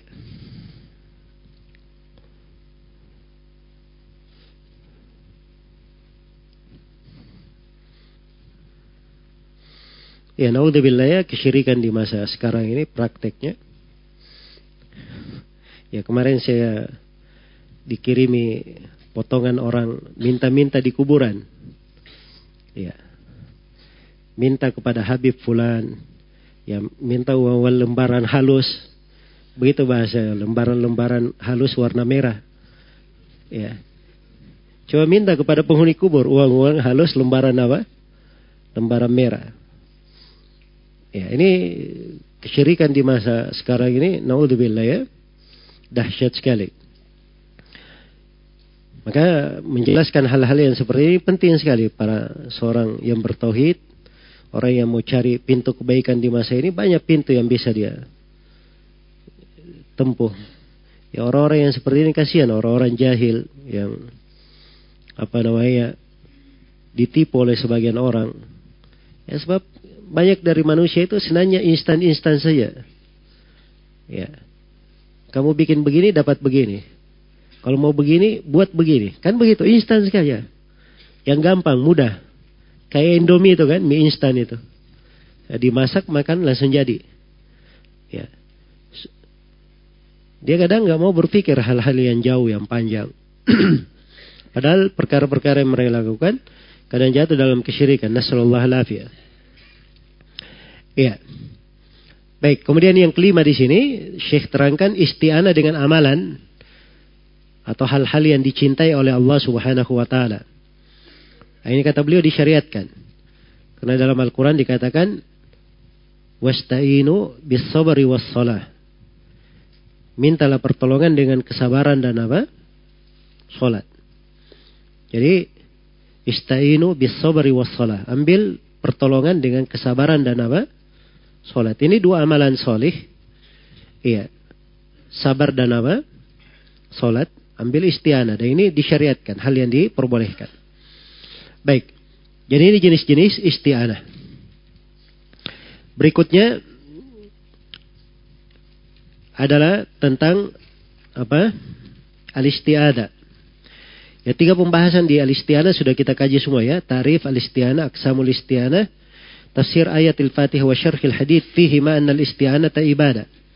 Tafsir ayat surah Al-Fatihah sudah kita jelaskan juga. Penjelasan hadith ya hadit yang disebutkan oleh penulis ini hadit Ibnu Abbas ya. Dari hadit-hadit Arba'in Nawawiyah. Di dalam hadit terdapat penjelasan bahwa isti'anah adalah apa? Adalah ibadah. Jadi kalau dia isti'anah adalah ibadah kaidahnya ibadah itu harus apa ikhlas hanya untuk Allah menyerahkannya kepada selain Allah adalah apa adalah kesyirikan berikutnya al isti'adah al isti'adah artinya talabul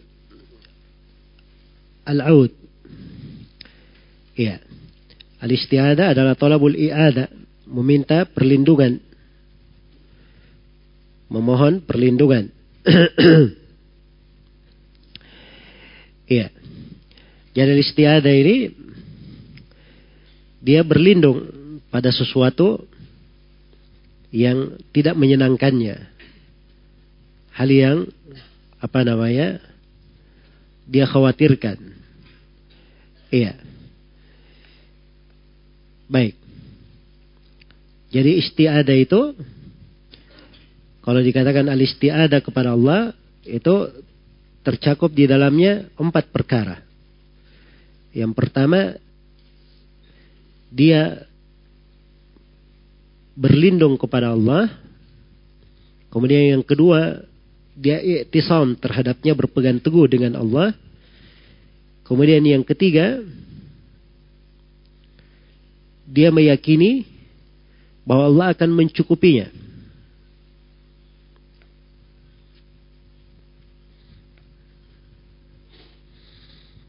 Jadi itu tiga hal ya. Saya sebut empat. Tiga saja ya. Ada tiga. Iltija, al-ittisam, wa taharruz. Ada tiga. Dia berlindung kepada Allah. Kemudian i'tisam berpegang teguh kepada Allah. Kemudian yang ketiga, dia meyakini Allah yang mencukupinya. Dan melindunginya dari segala kejelekan. Itu tiga kaidah al-isti'adah. Istiadah ini dari ibadah yang sangat agung. Ya, karena itu dibawakan di sini oleh penulis dua ayat. Wa dalilul isti'adati qauluhu ta'ala qul a'udzu bi rabbil falaq wa qul a'udzu bi rabbin nas. Dalil isti'adah adalah firman Allah taala qul a'udzu bi rabbil falaq. Katakanlah saya berlindung kepada Rabb yang menguasai al-falaq. Al-falaq ditafsirkan dengan dua penafsiran. Al-falaq bisa bermana subuh dan al-falaq bisa bermana tumbuhan yang dikeluarkan. Itu tumbuhan itu biji misalnya keluar darinya tumbuhan itu dikatakan falak. Ya. Jelas ya? Memang subuh dikatakan falak sebab tadinya kan gelap. Kemudian dari kegelapan ini ditembus oleh terang subuh yang keluar. Nah, itu disebut falak. Karena memang dia dari sesuatu yang keluar ditembus itu disebut falak dalam bahasa Arab. Jadi saya berlindung kepada Rob al-Falak. Iya. Kul a'udhu bi rabbin nas. Juga saya berlindung kepada Rabb an-nas. Nah, ini a'udhu billah itu kan mengandung tiga hal. Dia berserah diri kepada Allah, menuju kepadanya, berpegang teguh terhadapnya dan meyakini bahwa Allah yang mencukupinya, yang melindunginya. Iya. Maka ini tiga hal di dalam al-isti'adah. Baik. Dan tafsir dari dua ayat ini ini ada pembahasan lain ya karena surah Al-Falaq itu dan surah An-Nas ini dua surah yang agung. Ya. Ini dari surah-surah yang patut kita pelajari tafsirnya. Kita ada materi ya di sini di kurikulum kita. Kita ada materi tafsir surah-surah pendek. Dari surah Duha sampai surah An-Nas. Al-Fatihah, surah Duha sampai surah An-Nas. Itu tafsir perlu dipelajari tafsirnya. Supaya kita kenal ayat-ayat surah-surah yang biasa kita apa? Kita baca. Iya. Baik itu ada di kurikulum kita. Insya Allah Ta'ala akan datang nanti pembahasannya setelah pelajaran buku-buku Tauhid ini. Baik. Istiada kepada Allah Subhanahu wa taala itu oleh Syekh Ibn Uthaymin dibagi menjadi empat. Yang pertama al-isti'ada kepada Allah. Dengan tiga yang kita sebutkan tadi. Iya. Ini hukumnya adalah ibadah. Dan kalau dia ibadah, ibadah itu tidak boleh diserahkan kecuali hanya kepada Allah subhanahu wa ta'ala saya. Baik yang kedua, Astiada dengan sifat dari sifat-sifat Allah. Ini juga dibolehkan. Iya. Karena itu ada beberapa doa ya. Seperti doa pagi dan petang. A'udhu bi kalimatillahi tamat min syarri ma khalaq. Ini berlindung dengan kalimat-kalimat. Kalimat kan sifat Allah. Ya, doa pagi dan petang juga wa a'udhu bi adhamatika an ugtala Minta hati saya berlindung dengan keagunganmu. Ya Allah. Demikian pula doa kalau orang sakit. Ya, ada sakit misalnya di badan atau di mana. Itu kan diperintah oleh Nabi. Ya membaca apa namanya. Bismillah tiga kali. Kemudian dibaca tujuh kali. A'udhu billahi wa qudratihi min syarri ma ajidu wa uhadiru. Nah, di situ wa qudratihi berlindung dengan kemampuan Allah. Ya, dan doa di solat malam, a'udzu biridhaka min sakhatik. Saya berlindung dengan ridhamu dari kemurkaanmu. Berlindung dengan sifat Allah, isti'adah dengan sifat Allah, itu boleh saja. Hal yang diperbolehkan. Ini jenis yang kedua. Jenis yang ketiga dari isti'adah, isti'adah dengan orang-orang mati. Atau orang yang hidup tapi tidak hadir dan tidak mampu. Maka ini masuk ke dalam kesyirikan. masuk di dalam syirik akbar yang telah kita sebutkan. Ya. Karena itu dicela orang-orang yang para jin apa uh, para manusia yang berlindung dari jin. Wa annahu kana rijalun minal insi ya'uduna bi rijalin minal jinni fazaduhum rahaqa. Dan sekelompok dari laki-laki manusia mereka istiada kepada sekelompok laki-laki dari jin. Maka mereka bertambah rahaqa. Ya, bertambah kesewenang-wenangan. Baik. Kemudian yang keempat dari istiada ya, adalah berlindung dari sesuatu yang makhluk itu mampu melakukannya. Iya. Tadi berlindung pada tempat yang di situ dia bisa dapat perlindungan. Maka ini boleh saja, nggak ada masalah. Ini tidak dipermasalahkan. Kalau dia mampu, nggak ada masalah. Baik, karena itu dikatakan di dalam hadis ketika terjadi fitnah, ya, waman wajada malja'an au ma'adan fal ya'ud bih. Siapa yang mendapatkan tempat berlindung atau tempat apa namanya uh, dia terjaga di situ maka hendaknya dia berlindung padanya. Nah maka hal yang seperti ini tidak ada masalah. Sebab ini masuk di dalam hal yang memungkinkan. Hal yang memungkinkan. Baik, jadi ini empat pembagian apa? Istiadah. Kemudian berikutnya al-istighatsah. Iya. Dan ini yang ke-12 ya, dari jenis ibadah yang disebut oleh penulis. Al-istighatsah. Ya, al-istighatsah itu adalah talabul gauth. Talabul gauth. Ya, adalah meminta supaya dihindarkan dari kesusahan. Ya, diselamatkan dari bahaya diselamatkan dari bahaya. Itu al-gauth namanya. Iya. Baik. Perbedaan antara doa dan istighatha. Kalau istighatha itu dia berlindung dari hal yang sifatnya makruh. Sesuatu yang apa sudah membahayakannya. Ya, kalau doa itu dia meminta umum ya kalau doa. Baik. Itu perbedaan doa dengan istighatha. Berikutnya, apa perbedaan antara istighatha dan isti'adah? Iya. Kalau isti'adah tadi, isti'adah itu dia memohon perlindungan supaya dijaga dari hal yang jelek, dibentengi, ditamengi, supaya terpelihara, tidak didekati oleh kejelekan. Kalau istighatha, istighatha itu dia sudah kena musibah, kena bahaya. Dia minta kepada Allah supaya dibantu menghilangkan bahaya ini. Nah, itu istighatha namanya. Jadi istighatha itu permohonan supaya menghilangkan bahaya yang telah menimpanya. Iya. Baik. Jadi mungkin istighatha itu cocok dibahasakan dengan memohon pertolongan. Sebab pertolongan itu sifatnya diberikan pada orang yang sudah kena apa? Bahaya. Kalau orang yang belum kena bahaya itu disebut perlindungan. Nah, itu kita sebut tadi bahasa memohon apa? Perlindungan. Itu untuk mendekatkan ya, bagaimana memahami. Sebab bahasa Indonesia ini kan rumit juga ya, menafsirkan kalimat-kalimat dalam apa? Bahasa Arab. Baik. Jadi itu yang disebut dengan istighatha. Ya, istighatha itu mengandung dua hal. Ada dua hal yang dia kandung. Yang pertama, kesempurnaan kefakiran kepada Allah. Dia betul-betul fakir kepada Robnya. Dan yang kedua, dia meyakini bahwa Allah yang mencukupinya. Iya, ini dua kandungan dari apa? Al-istighatha.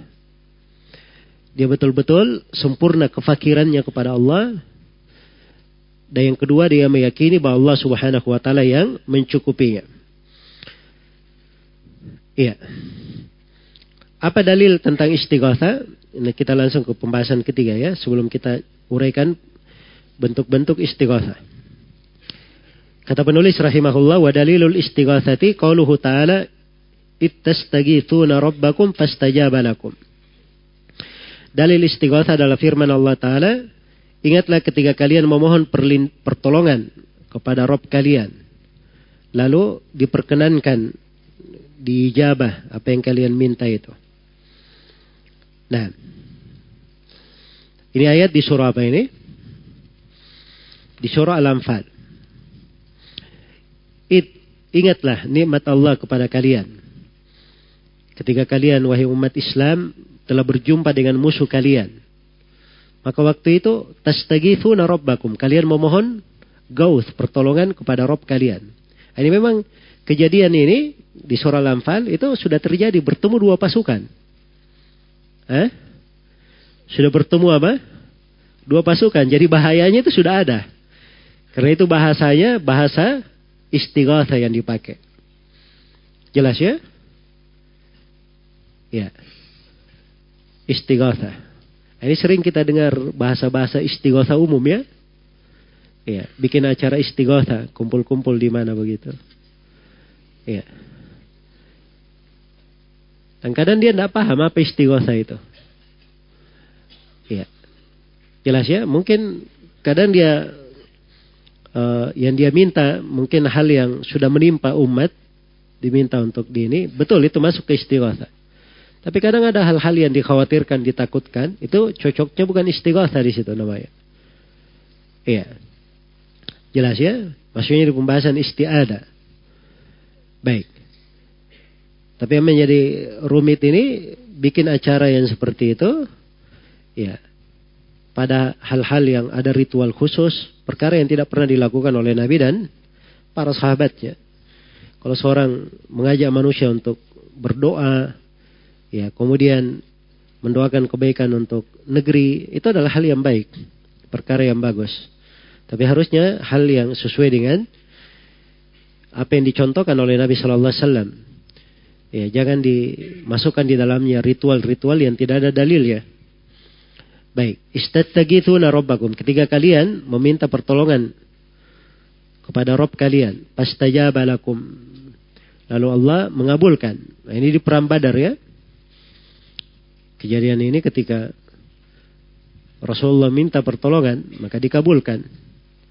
Iya, dikabulkan. Diberi dari malaikat yang apa namanya uh, diturunkan kepada kaum mukminin sehingga mereka menang.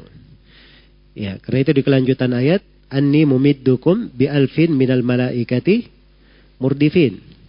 Sungguhnya aku telah melapangkan kalian dengan seribu malaikat yang mengikuti kalian.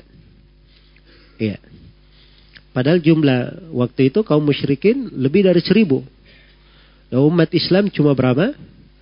300 lebih. Ya. Mungkin 313 sekitar itu. Maka Nabi Wasallam memohon kepada Allah dan para sahabat memohon. Itulah istighatha namanya. Kemudian dibantulah. Maka turun para malaikat dan disebutkan dalam riwayat-riwayat ya di perang Badar itu ya ada malaikat-malaikat yang turun apa berwujud manusia ya berperang ikut di dalam peperangan. Baik. Nah, ini malaikat kalau turun benar-benar apa? Turun kemenangan ya. Nah, itu kalau malaikat turun. Jangan seperti cerita-cerita di Suria itu turun malaikat. Ya. Ini cerita-cerita para pemberontak ya. Ya. Orang-orang yang jahil kemudian untuk mendukung fatwa-fatwa menyesatkan supaya manusia memberontak kepada pemerintah, Nah, itu katanya dia melihat apa namanya orang pakaian putih tidak tahu dari mana. Ya orang pakaian putih boleh aja dari mana pakaian putih. Iya, kalau malaikat turun, malaikat turun itu pasti mati semua itu orang. Kan begitu? Kalau malaikat benar turun. Nah, ini tetap begitu-begitu saja. Nah, ini ashabul fitan seperti itu. Biasanya mencari alasan saja untuk pembenaran perbuatannya yang keji. Ya, sudah terbunuh kaum muslimin di mana-mana, dia masih menggambarkan bahwa diri mereka benar. Ya. Jelas ya? Ada yang lebih mengerikan lagi. Kalau penduduk Suria 9 juta orang, terus satu juta mati untuk kebaikan 8 juta, maka satu juta ini nggak apa-apa, mati saja. Ya, fatwa-fatwa konyol yang seperti ini. Tidak ada rasa takut kepada Allah. Tidak ada harganya nyawa kaum muslimin.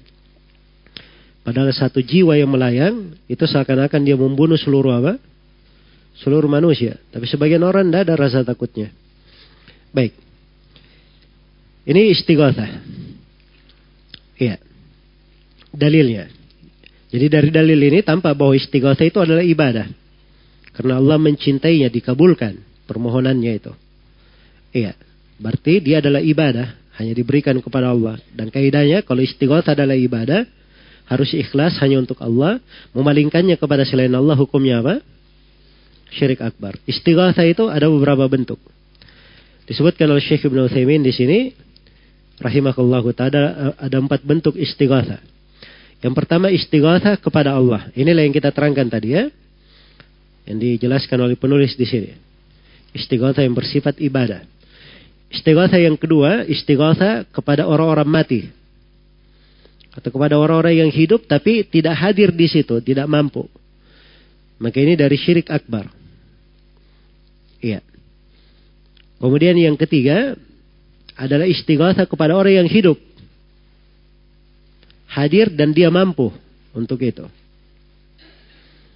Iya, ini boleh ya karena Nabi Musa alaihi salam disebutkan dalam Al-Qur'an fastaghathahu alladhi min syi'atihi ala alladhi min aduwihi Fawakazahu Musa faqadha alaihi. Maka Nabi Musa beristighatsah atau apa namanya kaum dari Nabi Musa ini beristighatsah kepada Nabi Musa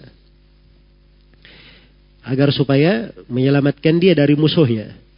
Maka Nabi Musa pun meninju ya, pengikut Firaun ini yang mengganggu Bani Israel tadi. Faqadha alaihi, maka matilah orang tersebut. Nah, ini di kisahnya ya di surah Al-Qasas. Jadi istighatsah itu kalau dia terhadap makhluk hidup mampu, ini hukumnya apa? Boleh. Ya. Ingat ya, hidup, makhluk hidup, dia hadir dan dia mampu. Ini tiga syarat. Nah, itu dibolehkan. Baik, yang keempat istighatsah kepada orang yang hidup tapi tidak mampu. Iya. Tidak mampu. Ini tadi sudah kita katakan ya bahwa ini masuk ke dalam bentuk apa? Sia-sia. Nah, tapi kalau misalnya dia bilang dia lihat orang lumpuh tadi, dia sudah mau tenggelam ya, ya dia sudah tenggelam. Ada orang apa namanya buta lewat, minta tolong. Ya, ini orang buta mana bisa dia melihat berenang? Jelas ya? Atau ada orang buta lewat misalnya, dia tidak punya tangan. Ya, kemudian minta tolong, padahal dia sudah apa? Mau tenggelam. Ya, di sini kalau dia hanya sekedar minta tolong, ini hal yang sia-sia ya.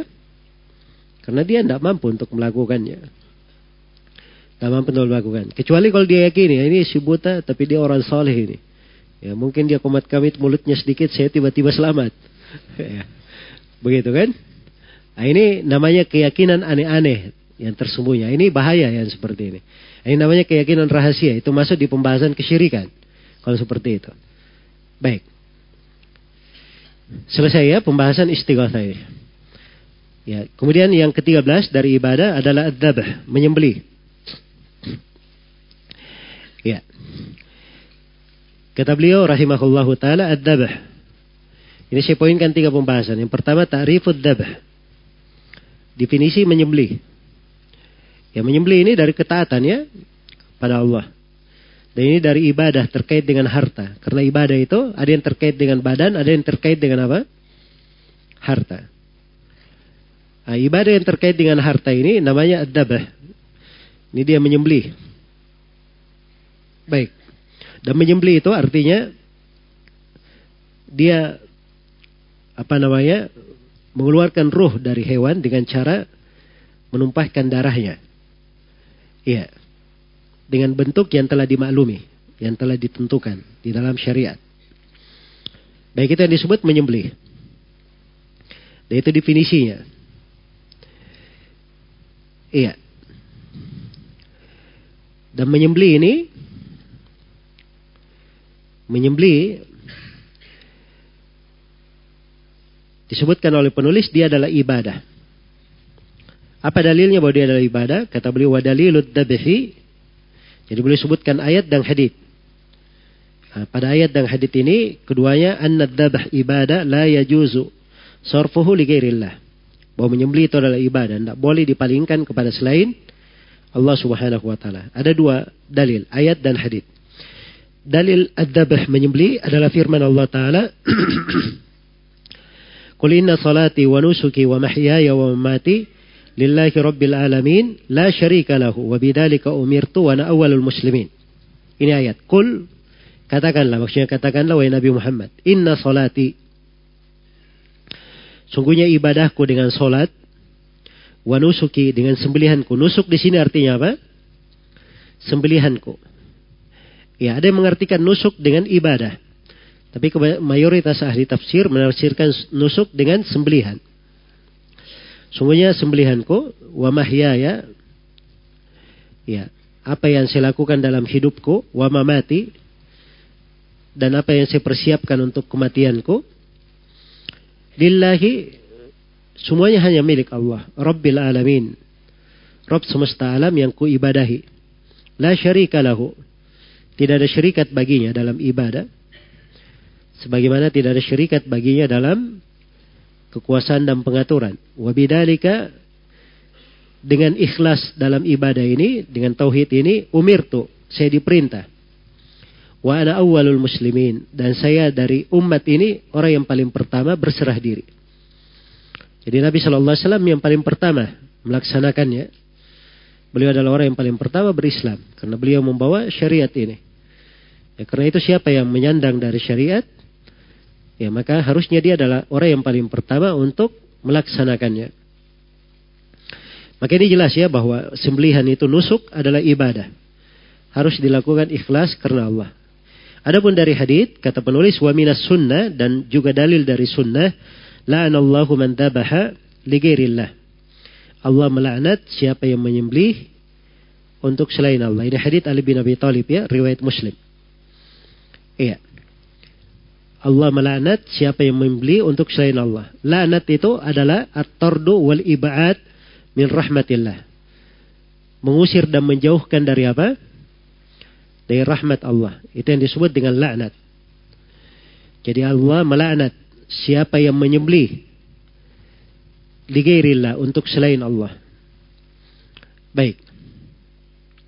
Menyembelih itu kata Syekh Ibn Uthaymin rahimahullahu taala itu ada beberapa bentuk. Yang pertama menyembelih yang disebut ibadah. Di mana dia menyembelih dengan mengagungkan siapa yang dia sembelih untuknya. Iya.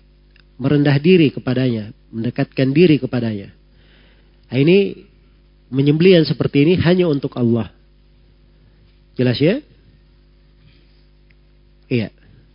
Seperti misalnya seorang menyembeli kurbannya, dia sembeli untuk Allah. Membesarkan Allah. Dia tunduk kepadanya, takarrub, mendekatkan diri. Nah, ini ibadah. Nah, ini tidak boleh diserahkan kepada selain Allah menyerahkannya kepada selain Allah ini adalah apa? Ini adalah syirik akbar. Jelas ya? Baik. Walaupun dia menyebut nama Allah. Dia baca bismillah misalnya. Tapi ini dia peruntukan untuk kuburan. Ya, untuk orang yang dikubur. Maka itu masuk di dalam apa? Syirik akbar. Baik. Kemudian menyembeli yang kedua, dia menyembeli untuk memuliakan tamu, untuk acara nikah. Nah, ini hal-hal yang seperti ini disyariatkan. Ya tergantung bagaimana bentuknya. Kalau acara nikah kadang wajib ya acara nikah. Kebab walimah itu hukumnya apa? Wajib.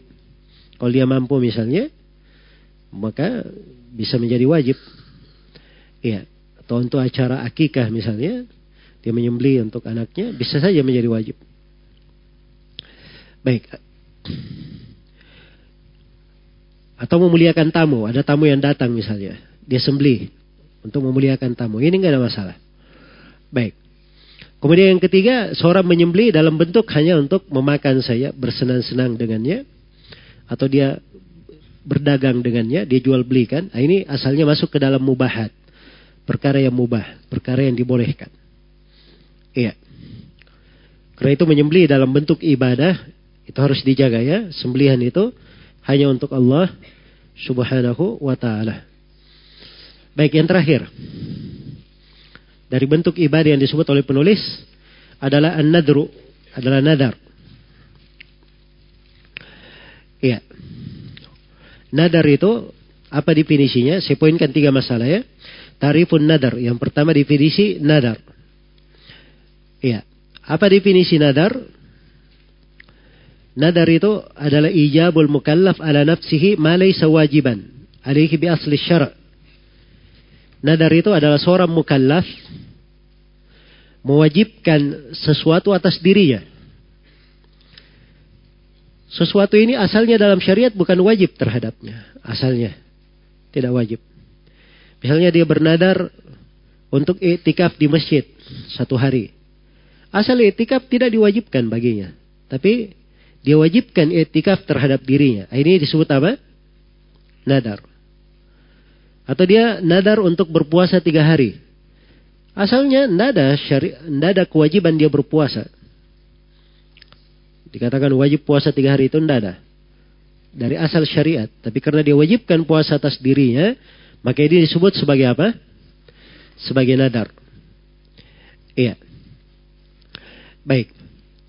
Jadi ini yang dimaksud dengan nadar.